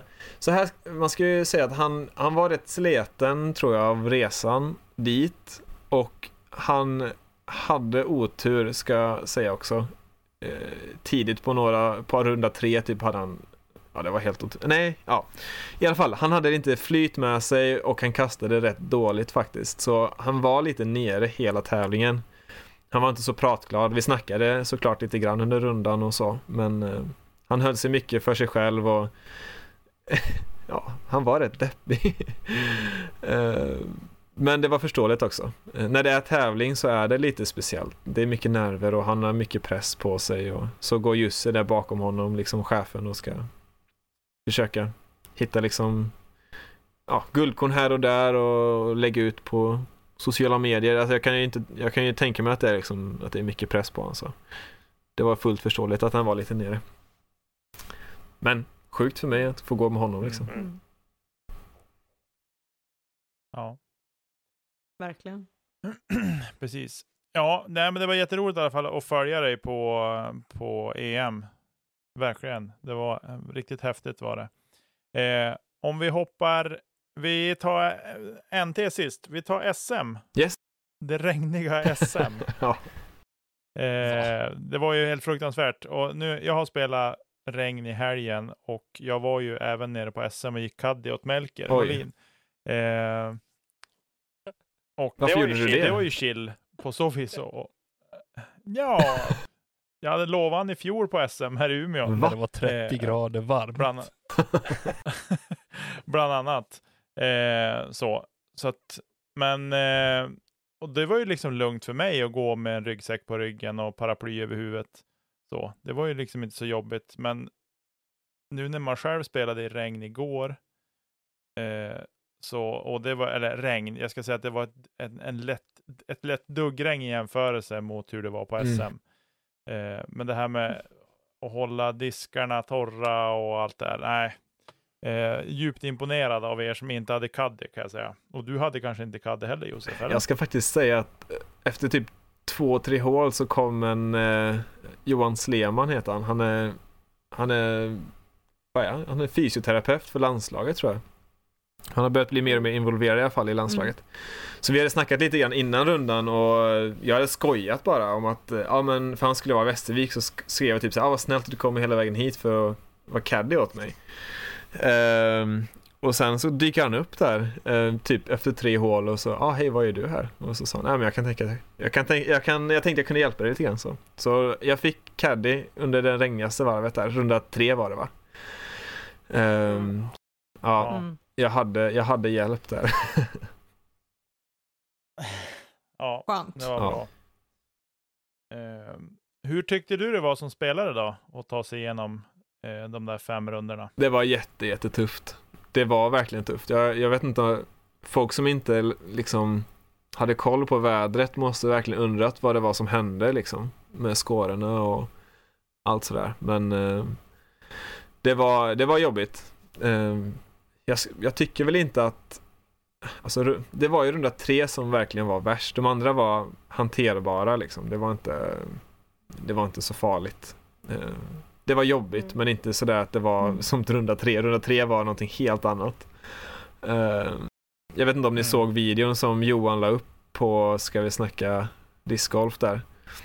Ehm, det var jag som bad honom filma det för det var liksom, det var så typiskt. Det var verkligen, om man, det var, eh, om man ska ha liksom ett kast som eh, representerar det varvet så var det det som man fick på film där. Han bara stövlar ut i pölen och liksom kastar ut något torka och jublar över att det har liksom fått den disken framåt liksom. Eh, Isak, eh, jag kommer inte ihåg vad han hette i efternamn. Ja, Ja, det var klockrent. Andersson. Ja, precis. precis. Ja. Ehm, men ja, eh, det var tufft. Men eh, alla hade väl samma förutsättningar och det var faktiskt lite kul. Vi var väl eh, Borås är ju känt för att vara lite regnigt. Jag tror vi var fyra boråsare topp 10 så det var ju bra för oss. men ja, ja. Ja, men det var väl någon som hade skrivit en kommentar typ bara Alltså är det bara jag eller ser det ut som att det regnar på alla andra utom Linus? ja, jag vet inte. Han sa att han För då, hade han fortfarande spelat jätte, 600 jättebra trike liksom. eller någonting sånt. Han, han förbrukar ju knappt en, Mm. han förbrukar typ Mm. en eller två handdukar. Jag hade ju typ sex handdukar eller, eller så. Jag vet inte. Han, han, sa, han sa typ så här, han höll sig under paraplyt hela tiden. Eh, och var noga med att Mm. torka av. Men ja, han spelade bra. Han är sån. Han gör det. Mm. ja. Ja. Tydligen. Men du gick väl hot round sista rundan va? Eh, ja, det kanske jag gjorde. Det tror jag nog. Jag hade en hot start i alla fall. Eh, Ja. det var inte l- många kast ifrån alltså att kunna snå åt en pallplats. Nej, nej det var nära. Det var, jag, hade ingen, jag visste inte hur jag låg fram tills hål, efter hål 12 där. Eh, eller efter driven på 13. Eh, för jag gick OB där och när, jag, när, jag liksom, när det går dåligt så kan jag ibland känna att det är kul att kolla lite scores för att få typ en ny morot eller någonting att hänga upp, hänga upp sig på. Så då kollade jag efter jag gick OB där och då låg jag ju på pall. Då låg jag tvåa faktiskt. Eh, men då hade jag gått OB så då visste jag att Mm. jag skulle tappa lite till där. Men jag låg tvåa, delad andra plats efter 12 tror jag. Eh, men lyckades inte riktigt eh, ja, fullfölja eh, starten där lika bra. Eh, fick en dubbel på 13 och sen ja, ja. Helt okej avslutning men ingenting som eh, liksom var värdig en pallplats. Nej. Ja, nej, det var... Eh, jag var djupt imponerad av alla som spelade faktiskt, ska jag villigt erkänna. Det var hemska förhållanden, tyvärr. Eh, och det är lite Henke Johansens fel, för han sa när han fick frågan om att få ett wildcard, sa han, du vet att det kommer att regna på SM va? Och han fick den frågan i juni. Eh, så att någonstans får vi ändå känna att det är lite hans fel att det vart regn på. och han spelade inte ens klart. Nej, precis. Han pajade ju ihop. Eller han var väl knappt hel när han kom dit. ska Nej, säga. jag träffade honom efteråt, han sa också det. Mm. det och så. Eh, nationella touren då? Ja. Vi avslutar eh, säsongen 2021, tänker jag, lite så, eh, med att prata nationella touren. Eh, hur har det sett ut där? Um, ja, för min del så har det varit upp och ner. Um, väldigt mycket upp och väldigt mycket ner. Um, Mora så um, kommer fyra. Och det var, det var en sån, det var innan jag liksom lyckades lösa det här med min puttning och sådär. För jag, jag kastade hur bra som helst. Och efteråt så satt jag och räknade, jag vet inte varför men jag missade 22 puttar mellan eh, 5 och 8 meter. Den tävlingen på tre varv. Vilket är helt otroligt men Eh, lyckades ändå knipa åt mig en, eh, en fjärdeplats där, så det var ju kul. Och, eh, ja, men därefter Linköping gick vi igenom. Det var ju ingen höjdare för min del. Eh, jag vet inte. Om vi bara stannar på Mora, visst var det runda två du spelade, eh, vad gick du, minus 12? Nej, jag tror det var sista rundan. Jag spelade ganska Var det sista så... rundan? Ja, Okej, var det sista precis. rundan? Okej. Jag vet att eh, vi pratade om det var mellan eller efter dina två runder och du hade fortfarande så här enligt mig spelat liksom bra. Du låg ju bra till fortfarande, inte Mm. så här jättelångt ner. Och du bara, nej men jag har inte satt en enda putt. Bara, hur kan du missa putta när du ligger ganska mycket birdies? Tänkte jag. jag bara, det gick Nej, inte det ihop var- riktigt. Men eh, sista Ja. rundan där var ju trevlig. Ja, den var trevlig. Och det, jag hade, som tur var så parkade jag liksom alla mina birdie holes, så jag behövde inte putta den rundan heller. Så. Ehm, Nej, Mm. men det var, det var, jag, det var, jag var så förvirrad efteråt, för det var min bästa placering i NT någonsin. Eh, och jag kastade liksom jättebra, men det kändes väldigt dåligt ändå. Liksom. Men det är ju ofta så när man, när man missar puttar så känns det värre än typ när man sätter puttar för par. Liksom. Att man kastar dåligt och puttar bra är alltid skönare än kasta bra och putta dåligt. Så. Men, eh, ja, Mm. man fick en liten boost, Mm. man såg att man kunde kasta och det kändes bra.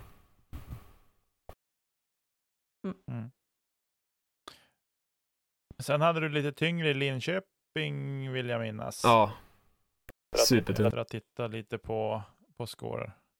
Mm. Ja, Så, det, den, så den kan vi hoppa över då. Vi kan ta Lund. Vi tar Lund istället. Vi hoppar över Linköping, vi vill inte prata om de tråkiga grejerna. Vi kan prata om Lund istället. Ja. Ehm, ja, Lund. Ehm, jag jag älskar den banan. Det är absolut en av mina favoritbanor ehm, i Sverige. Topp fem eller något Elina bara suckar.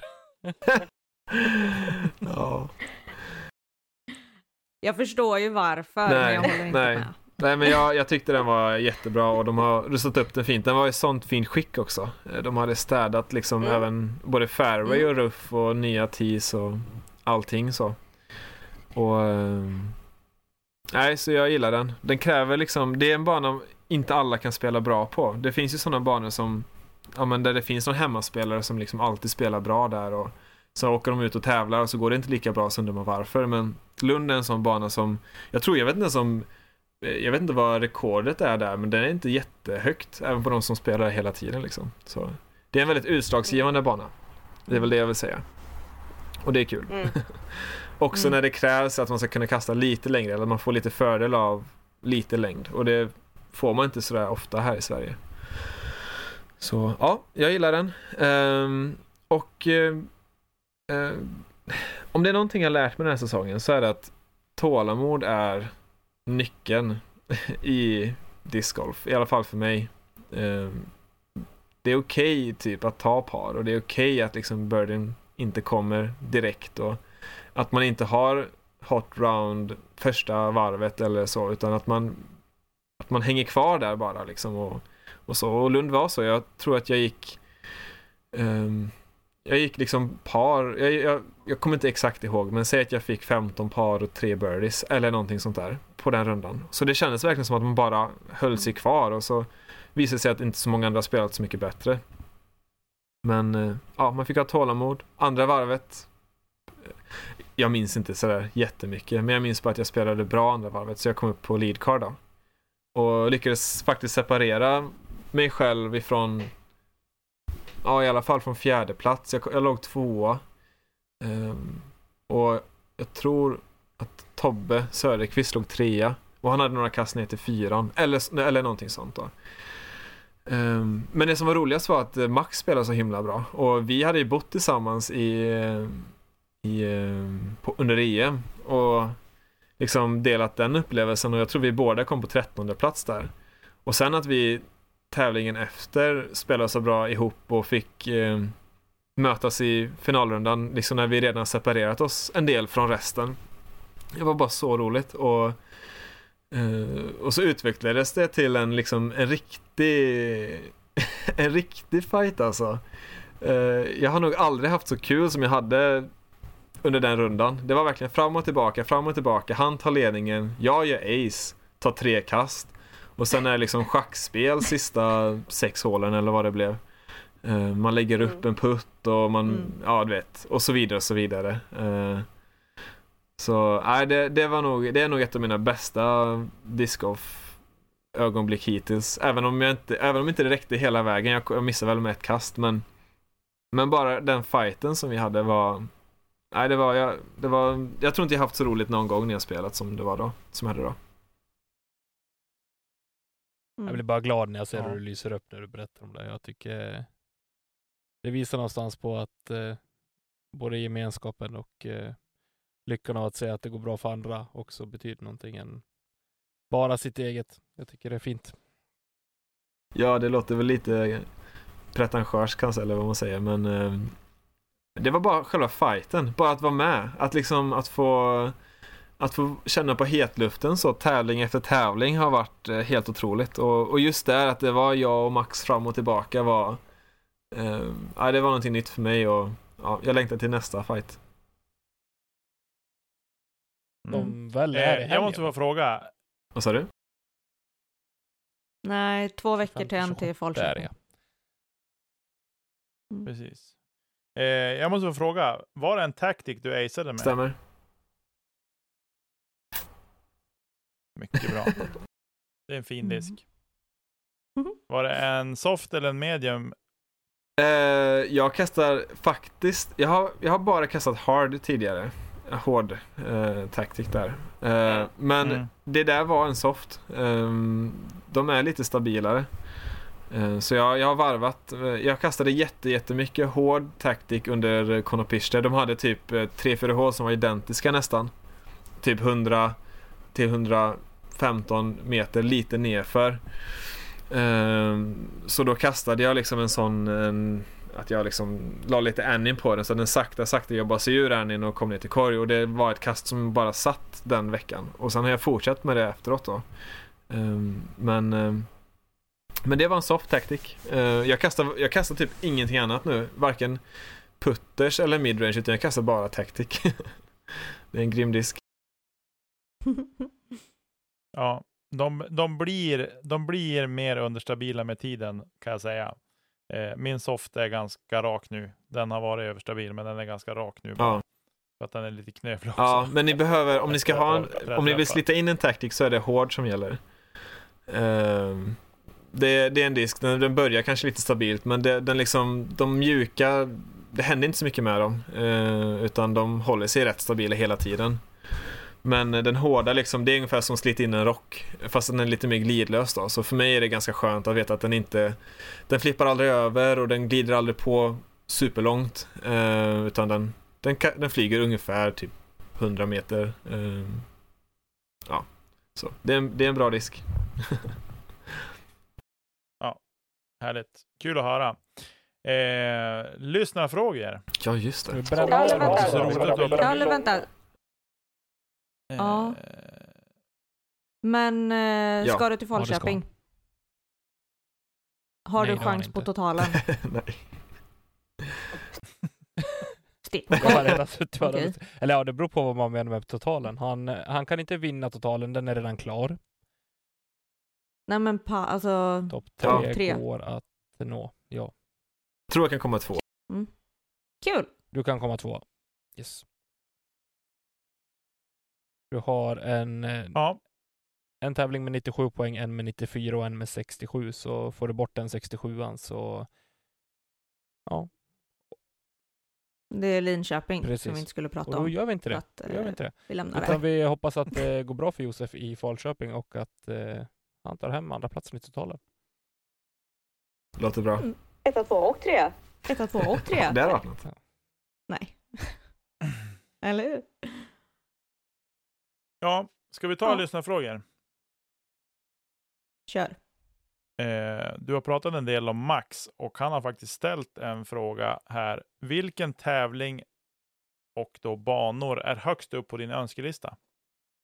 Ehm, då antar jag han menar sådana jag inte spelat än. Och eh, Ja, högst upp är eh, Smugglers Notch, Notch eh, med eh, ja, eh, den här VM-kombon. Jag vet inte, de, den de alltid kör där med Green Mountain Championships. Det, den är högst upp på min lista. Ja, Teds fråga har vi ju behandlat lite grann när vi pratade om European Birdies och eh, väska med mera. Våran vän Hoppar Karlsson, som du känner mer än väl, eh, har ställt en fråga och han kommer aldrig glömma första gången han träffade dig. Det var vid 18s tid på Ymer och du kastade en DX-rock typ 120 meter och så tyckte han att det där var ju rätt bra. Och då svarade du lite halvbittert, ja, du tycker det. Sen är resten historia. Okej. Eh, Men hans eh, fråga till dig är att du spelade volleyboll och var väldigt duktig på det. Vad känner du, för, vad känner du att du har haft för fördelar i, din- i discgolfen från volleybollen? Ehm, ja, det var ju beachvolleyboll jag spelade. Ehm, och det är väl, eh, Lite sexigare. Eh, Ja, mycket. det är viktigt att poängtera det. Jag är, ingen, jag är inte så bra inomhus. Jag, jag kan spela lite, men beach är min grej. Ehm, jag antar väl att det, det är väl lite explosivitet kanske. Att man har lite fart i armen. Eh, så. Det var väl lite samma vi fick av Max också, som spelar volleyboll. Fast Jag tänkte säga det, Max är en eh, väldigt mycket bättre volleybollspelare än mig. Ehm, utomhus skulle jag nog kunna ha en chans mot honom, men inomhus är han helt överlägsen. Eh, Jonas från eh, Borås. Hur är det att komma från samma klubb som Linus Karlsson? Sporre, i skuggan av, eller kunna smyga mot toppen? Ja, han satte det precis, alla tre skulle jag säga. Ehm, Ja. Det är en sporre, det, eh, men det är också skönt, som sagt, jag, jag gillar det lite. Jag, för min del, jag gillar att liksom träna själv. Och, eller jag spelar lite grann med Linus och Pelle så rätt mycket, men annars så går jag bara med, med, för mig själv och tränar lite i det fördolda och försöker väl inte göra så mycket väsen av mig än så länge i alla fall och, eh, och så. Eh, Så att ha Linus, men att ha Linus här är ju jättebra för vet man, då vet man liksom någonstans vart nivån ligger i Sverige. Är man, är man bäst i stan så är man bäst i typ Europa. Så, ehm, så det, är, det är superkul och han är superhärlig och jag gillar att, att resa med honom och hans brorsa och de andra härifrån. Så nej, det är bara kul. Jag hade inte haft det på ett annat sätt faktiskt. Mm. Eh, Albin Hagström eh, undrar, din rating förvånade många när du spelade EM. Hur kändes det att vara i toppen och vara underdog? Alltså, vi har ju pratat lite EM, Mm. men just det här att gå in i ett lead card och veta att du ligger egentligen då som underdog i tävlingen. Mm. Ja, det var, det var lite speciellt för det var ju ratinguppdatering dagen innan och jag tror jag, jag låg ändå, jag hade en helt okej, alltså jag tror jag låg på 996 dagen innan, eller 9, ja någonting 990 höga där. och sen så sänker de den och sen så på kommenteringen så hör jag både Jussi säga, ja men han har typ 980 någonting, bla bla. Och sen så hörde inte Lisotte och så sa han samma sak, ja han har 980, bla bla. Så det var väldigt fokus på, på det. Inte för att jag bryr mig, men eh, eh, men Mm. även kanske 996 eller vad jag nu hade, hade väl också varit eh, underdog och, och så, så. Men det var, det var bara att ta det för vad det var liksom. Ehm, banan Mm. passade mig jättebra och ehm, nej, det var bara kul. Det var, det var ingen fara. Det var ingenting jag tänkte på, min rating där. Nej. Eh, Mikael Svensson skriver så här. Tack för din och lagets fantastiska insats för klubben i helgen. Eh, det har ju hänt hyfsat mycket på ett år för din del. Eh, och hans fråga är då, hur skulle en matchspelsmatch mellan Josef 2020 och Josef 2021 ha slutat? Väldigt bra fråga. Ja, Mikael är väldigt... motivera ditt svar här. Alltså Mikael är ju vår ordförande i Mm. klubben för er som inte vet det och han är, ja, vi har den bästa ordförande i landet, jag säger bara det. Han är grym. Eh, men, eh, och han har alltid väldigt bra frågor och skriver väldigt bra. Och eh, mm, matchspel mellan 2020 och 2021. alltså, 2021, Josef hade spelat mycket tråkigare än 2020, Josef. Eh, så det har inte varit lika kul att titta på dagens Josef kanske. Eh, men jag hade vunnit nu mot då, helt klart. jag hade satt mer puttar och eh, spelat mycket smartare. Det är mitt svar. Eh, Erik Mellgren skriver så här. Hur många i Sverige kastar längre än dig och vilka är de? Och sen har han även en fråga. Vilka tre diskar som du bägar använder du minst? Om vi börjar med långkastarfrågan. Långkastarfrågan, okej, men det finns ju väldigt många som kastar säkert längre än mig som inte tävlar. Alltså det finns ju typ Edvin Almqvist som uppenbarligen kastar typ längst i världen. Ehm, men de som jag möter på typ tävlingar och så. jag kastar inte jättelångt, eh, jag, kast, jag kastar långt. Eh, men det finns ju de som har en nivå till och det skulle jag säga, det är väl Ulvenen. Eh, han är väl högst på listan. Hagman kastar längre än mig. Willman tror jag kastar längre än mig. Det, det, är nog, det är nog en del, men Um jag är väl där i topp 10 i alla fall. Och jag, jag kastar, jag väl kastat kanske, jag kastar väl 150 ändå på beställning. Ehm, vad, vad var andra, eller var det det som var frågan, vilka som kastar längre än mig? Ja, det var det, det, var det som var Mm. frågan. Ja, okej. Ja. Det, det är en hel del, men jag, jag är där uppe i topp 10 och jag kan väl, eh, jag, jag försöker väl att inte eh, kasta så långt, för då, då kommer man så långt snett också, så jag försöker kasta lite lugnare och hellre kasta säkert 130 än att, du vet, kräma ut det där sista. Ja. Jag ska lära mig av Bengtsson, min dubbelpartners. Ja. Han är klok, Bengtsson. Ja, Eh, och sen då, vilka tre diskar som du bägar använder du minst? Ehm,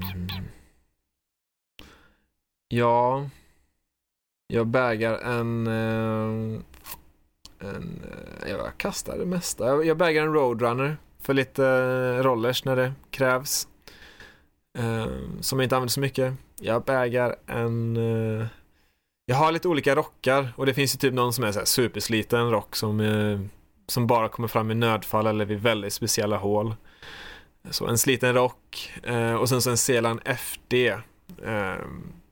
Som jag hade under Konopiste men jag vet inte. Det är ett kast som jag inte kastar så ofta. Liksom en, eh, en flippy fairway. Det är mest lite halvstabila fairways som jag gillar att kasta. Så det är mitt svar. En, rock, en sliten rock, en flippy FD och en roadrunner. Jag kastar rätt mycket stabil skulle jag säga. Thomas Blixt frågar så här.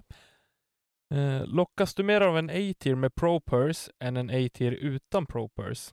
Är låt oss säga en NT-seger viktigare för dig än en tävling där prissumman som man kan vinna är högre? Mm. Ja. Alltså det är, jag skulle säga att det beror väldigt mycket. För mig så är det, det, för det första är det viktigt att det är bra spelare med. Om man, om man ska resa någonstans och spela så vill jag ju gärna möta bra spelare. Um för att liksom få upp konkurrensen lite grann och, och sådär. Um, och sen så är det vilken bana den spelas på tycker jag är rätt viktigt. Det är klart att jag, jag försöker välja, jag spelar väl alla NTs och sådär oavsett bana men um, Först skulle jag säga konkurrensen i, i, bland spelare, sen så är ju bana viktig. Uh, men sen så är det ju väldigt kul om det är ProPoise med såklart. Det är kul att inte gå back liksom när man går runt och tävlar utan att ha chansen i alla fall att eh, gå plus minus noll eller lite plus på, på en helg. Ehm, ja, jag tävlar inte sådär jättemycket. Jag försöker att vara lite med att jag väljer lite tävlingar som, som är lite större och så. Just för att alltså, det blir så mycket om man ska Mm. tävla hela tiden. Och jag har ju fru här hemma som får vara ensam på helger och veckor och sånt där om man eh, eh, är iväg för mycket. Så. Jag, är- jag är lite så att jag åker inte iväg bara för att. Liksom. Det låter väl helt fantastiskt i mina öron i alla fall. Mm. Eh, sen har vi Henrik Nordberg, Nord, jo, Nordberg på eh, DGTV. Vad är hemligheten bakom Ymers storhet? Ni börjar vara, ni börjar vara rätt vassa. Lycka till med allt framöver. Eh, ja, tack så mycket. Och ehm, det är ju, skulle jag säga, det är väl konkurrensen. För det första så har vi en väldigt fin klubb som är väldigt engagerad och många eldsjälar som är ute och bygger bana och som eh, liksom pushar på oss spelare när vi är ute och spelar och, och sådär. Så det är väl nummer ett. Och sen så har vi ju haft Linus som eh, man har haft att spara emot och då har hjälpt mig och Sen så är vi liksom lite grann så, Borås ligger väldigt bra till, så vi har ju spelare som kommer lite utanför stan, som Dennis Augustsson till exempel, som är från Alingsås. Eh, han spelar för oss och Tobbe Söderqvist som har bott här i närheten och bor i Bollebygd som är, vi är väl den närmsta klubben för han, men vi ligger väldigt bra till i landet också, där det är mycket aktivitet så.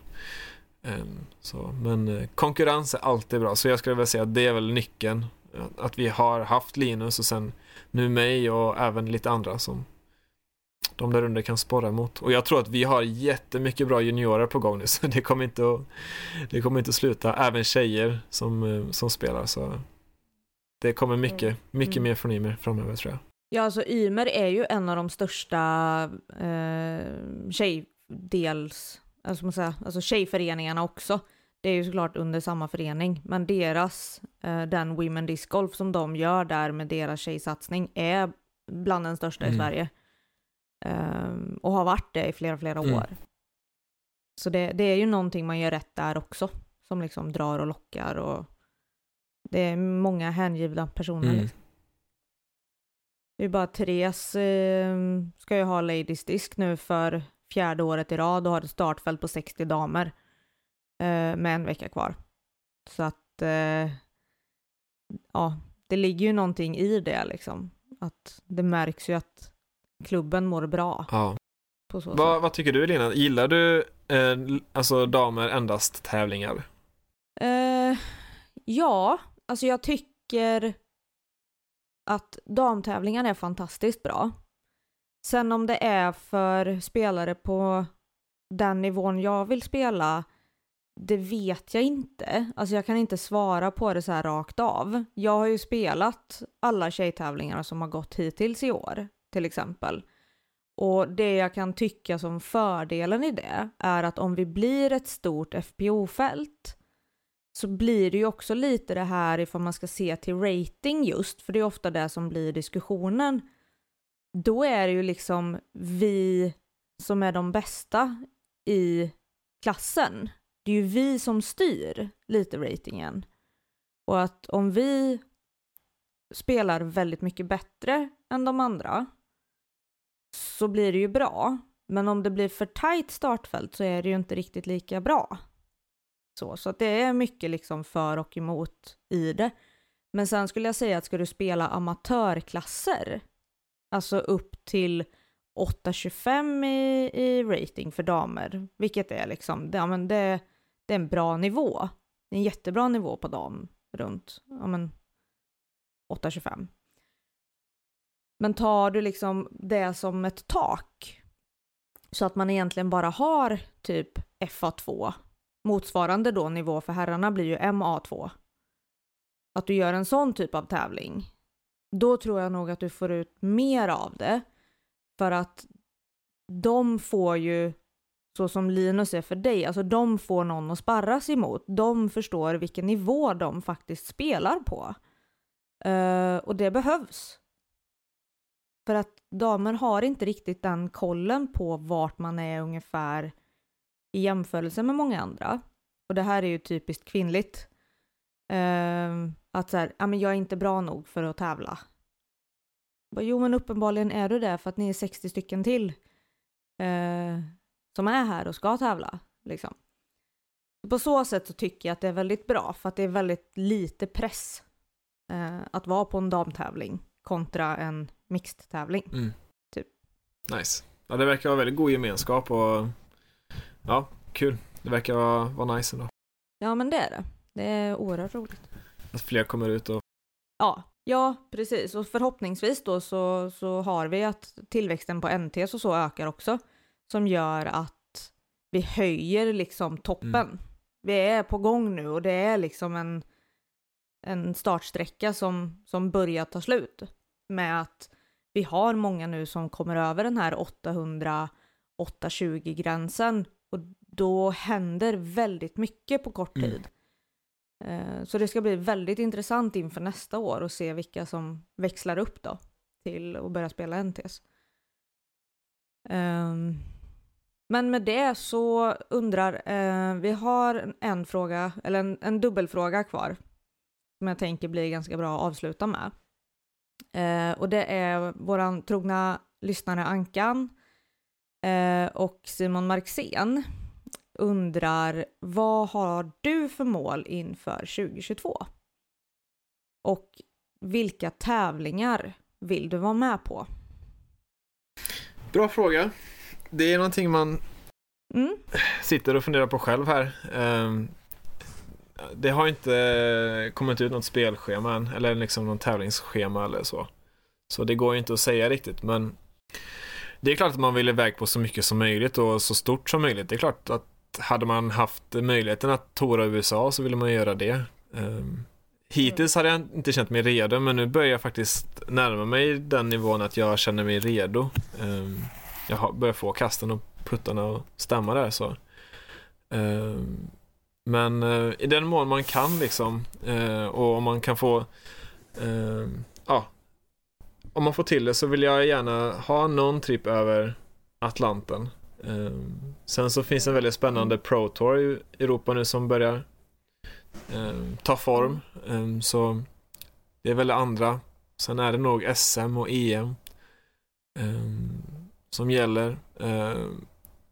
Som sagt, det, det har inte annonserats exakta datum eller, eller exakta tävlingsorter eller så ännu. Men eh, det är väl det och sen så eh, finns ju också en ny Pro Tour på Sverige förmodligen, förhoppningsvis nästa år. Och det får man ju se hur det passar med schemat men det är väl typ, prio är väl alltid SM och EM.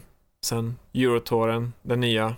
Eh, kanske en, en eller två tripper över till USA om, eh, om man kan få till det. Eh, men eh, tävla så mycket som möjligt på så hög nivå som möjligt är väl, är väl målet.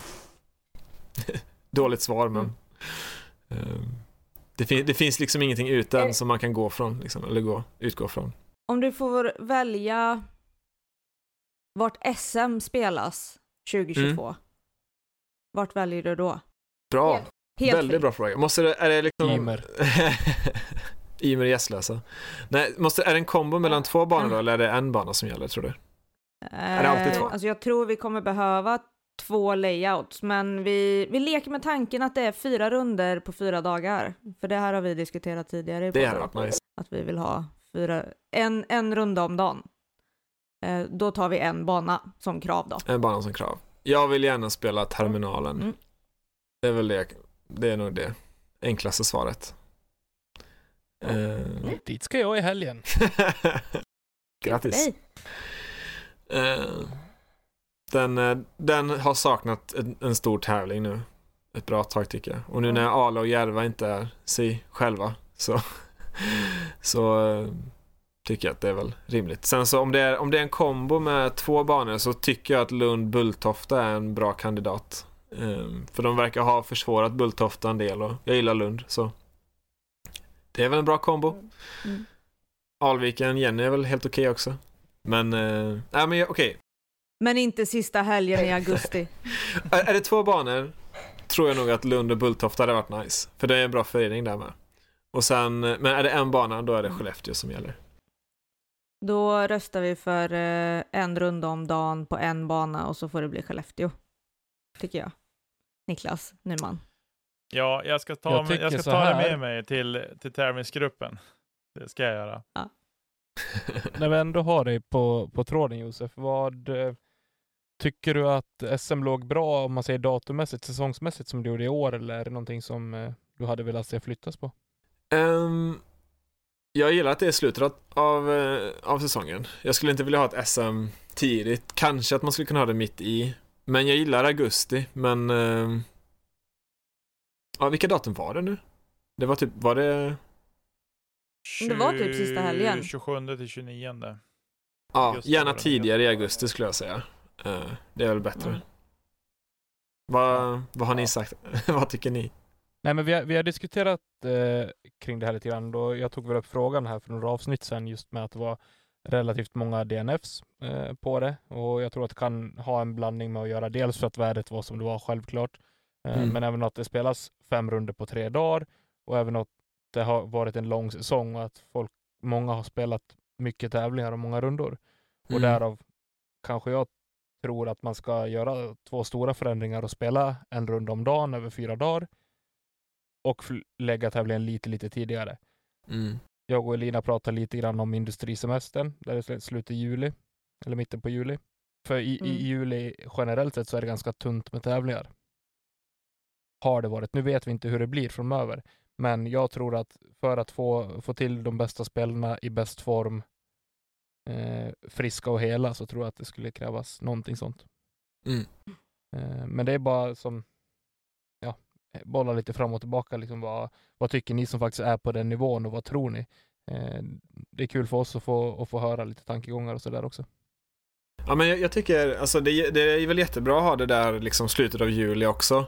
Bara det finns någonting innan, alltså gärna någon, någon lite halvstor tävling innan, kanske helgen innan eller, eller så. Eller två helger Mm. innan. Du vill inte gå direkt Mm. från tre veckor ledigt och sen liksom hoppa på ett SM direkt ju, liksom. Nej, precis. Det blir ju nästan f- mer ledigt. Det är ju typ nästan ingenting i, ja, från mitten av juni till slutet av juli. Ja. Eh, det brukar vara rätt tunt där. Så bara det finns någon liten tävling innan tycker jag är nice. eh, för att liksom se att, att träningen... liksom- Vad sa du? Det finns ju någon liten tävling där i Finland, European Open heter den. Eh, går, brukar gå i mitten på juli. Jag vet inte om den skulle vara någonting. Ja, jo nu kanske jag kan kvalificera mig dit så det, det kanske du har en poäng där. Visst, slutet av juli eller väldigt tidigt i augusti det tycker jag är perfekt för, ja, för mig. Svensk Mm. högsommar, det gillar vi. Ja, Ja, men jag håller med. Och det roliga är att eh, du ställer frågan ifall det ska vara en eller två banor. För att eh, både du och jag har sagt Skellefteå eh, som bana Mm. för SM. Och jag tycker också det ska vara en runda, fyra dagar som Tommy sa.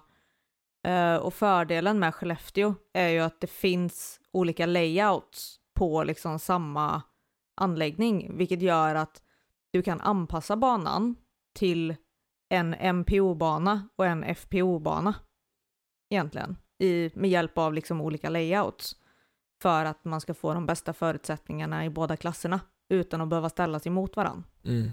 Ja, nu vill inte jag dra ut på tiden allt för länge, men eh, för jag vet att jag har snackat på rätt mycket här. Men vad, jag hörde lite, varför körde inte ni eh, FBO-layout på SM, ni damer? Alltså typ lite, det Det fanns var ju... för tätt. Ja. Ja, alltså tanken fanns, ehm, men det var att det lyftes för sent. Så att även om det skulle vara möjligt att göra det så var inte tiden och förutsättningarna där för att få det likvärdigt lika bra. Mm.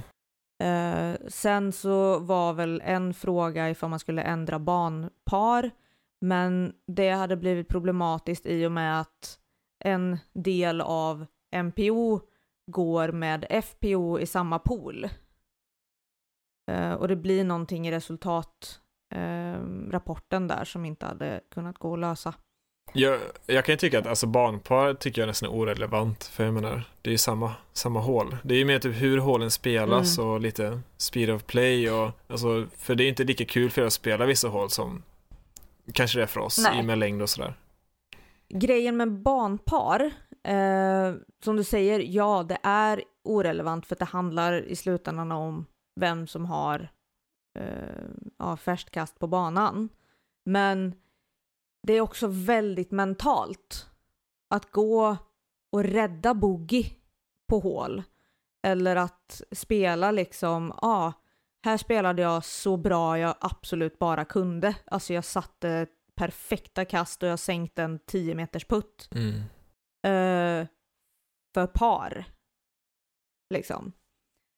När det för en själv mentalt är en självklar bogey men det syns inte någonstans. Så att det är mer ett här, mentalt spel skulle jag säga.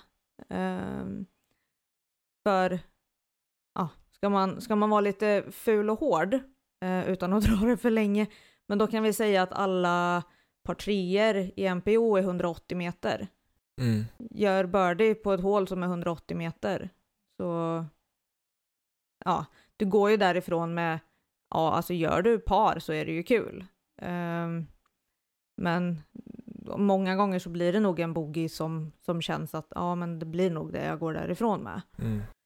Eh, lite för att jämföra, för att liksom ge ett perspektiv. Det är liksom inte... Om vi inte gör en throw-in så är det inte möjligt för någon i FPO idag att göra en birdie på ett 140 meters hål som är en par 3. Och de finns ju överallt. Och det skulle vara ifall det bara är rakt fram helt öppet. Eh, Ja, nu är det ju inte det. Nej. Eh, Alla de här problemen kan lösas i Skellefteå. ja, du ser. Nej. Men jag vet att det kommer jobbas mer med det inför eh, nästa år, med layouts just för att spara på de här långa kasten. Eh, och det är någonting som eh, kommer jobbas aktivt med nu under vintern. Och det känns väldigt tryggt och bra. Nice. För att det är ju mycket det med maxkasten som gör det. Det är ju det i grund och botten som vi vill komma bort Mm. eh, mer ifrån. Att inte behöva göra det på alla hål. Precis, och så kommer det underlätta också om, i och med att vi spelar samma pool, eller samma runda kan man väl säga, sista varvet där. Vi blandar lite FPO och MPO. Kommer det nog hjälpa Mm. också med, med tempot liksom på rundan. Ehm, Mm. om inte ni behöver maxkasta hela tiden och, och så vidare. Mm. Nej, men precis. Nej, för som du säger själv, det är ju lättare att känka en, en, en drive när du ska över 150 meter. Men ifall du kastar 120-130 väldigt komfortabelt så blir det ju ofta inte lika stora missar man gör. Precis. Och det, det översätts ju för, för oss också, bara det att våra maxdrivar kanske ligger på 120 Mm. eh, och vi spelar komfortabelt på 90-100. Mm. Ja, Grymt. Det känns väl som bra ord att gå ut på, eller vad säger du Nicke? det tycker jag. Jag tycker att vi ska jobba för ett till SM i Norrland helt enkelt. Eh, Jag håller med. vi får väl se vad vi, land, vad vi landar i för någonting helt enkelt inför 2022. Mm. Josef, har du några avslutande ord som du vill dela med dig av innan vi stänger av och går och lägger oss? Eh, nej, jag tror att alla är nog trötta på att höra min röst här nu så godnatt. Nej, det är just det. Det kanske inte är under natten folk hör det här. Men eh, tack och hej och ehm, vi ses på banan. Mm. Det gör vi. Eh, vi vill såklart tacka alla lyssnare för att ni lyssnar på oss varje vecka och eh, ja, stort tack till Marcus Linder och Emil Lennartsson för vignetter, jinglar och grafik. Sen vill vi rikta ett stort, stort tack till våra Patreons som snart kommer få lite extra uppskattning. Ja, ni får... Väldigt snart. Väldigt snart. Häng i lite grann. Mm. Eh, vill du som lyssnar bidra till vår utveckling till podden så besöker du patreon.com slash kedja ut och signa upp er. Det lilla gör mycket. Gör som de tre som gjorde det idag. Eller i måndags. Ja, idag. God natt på er. För oss. Hej då!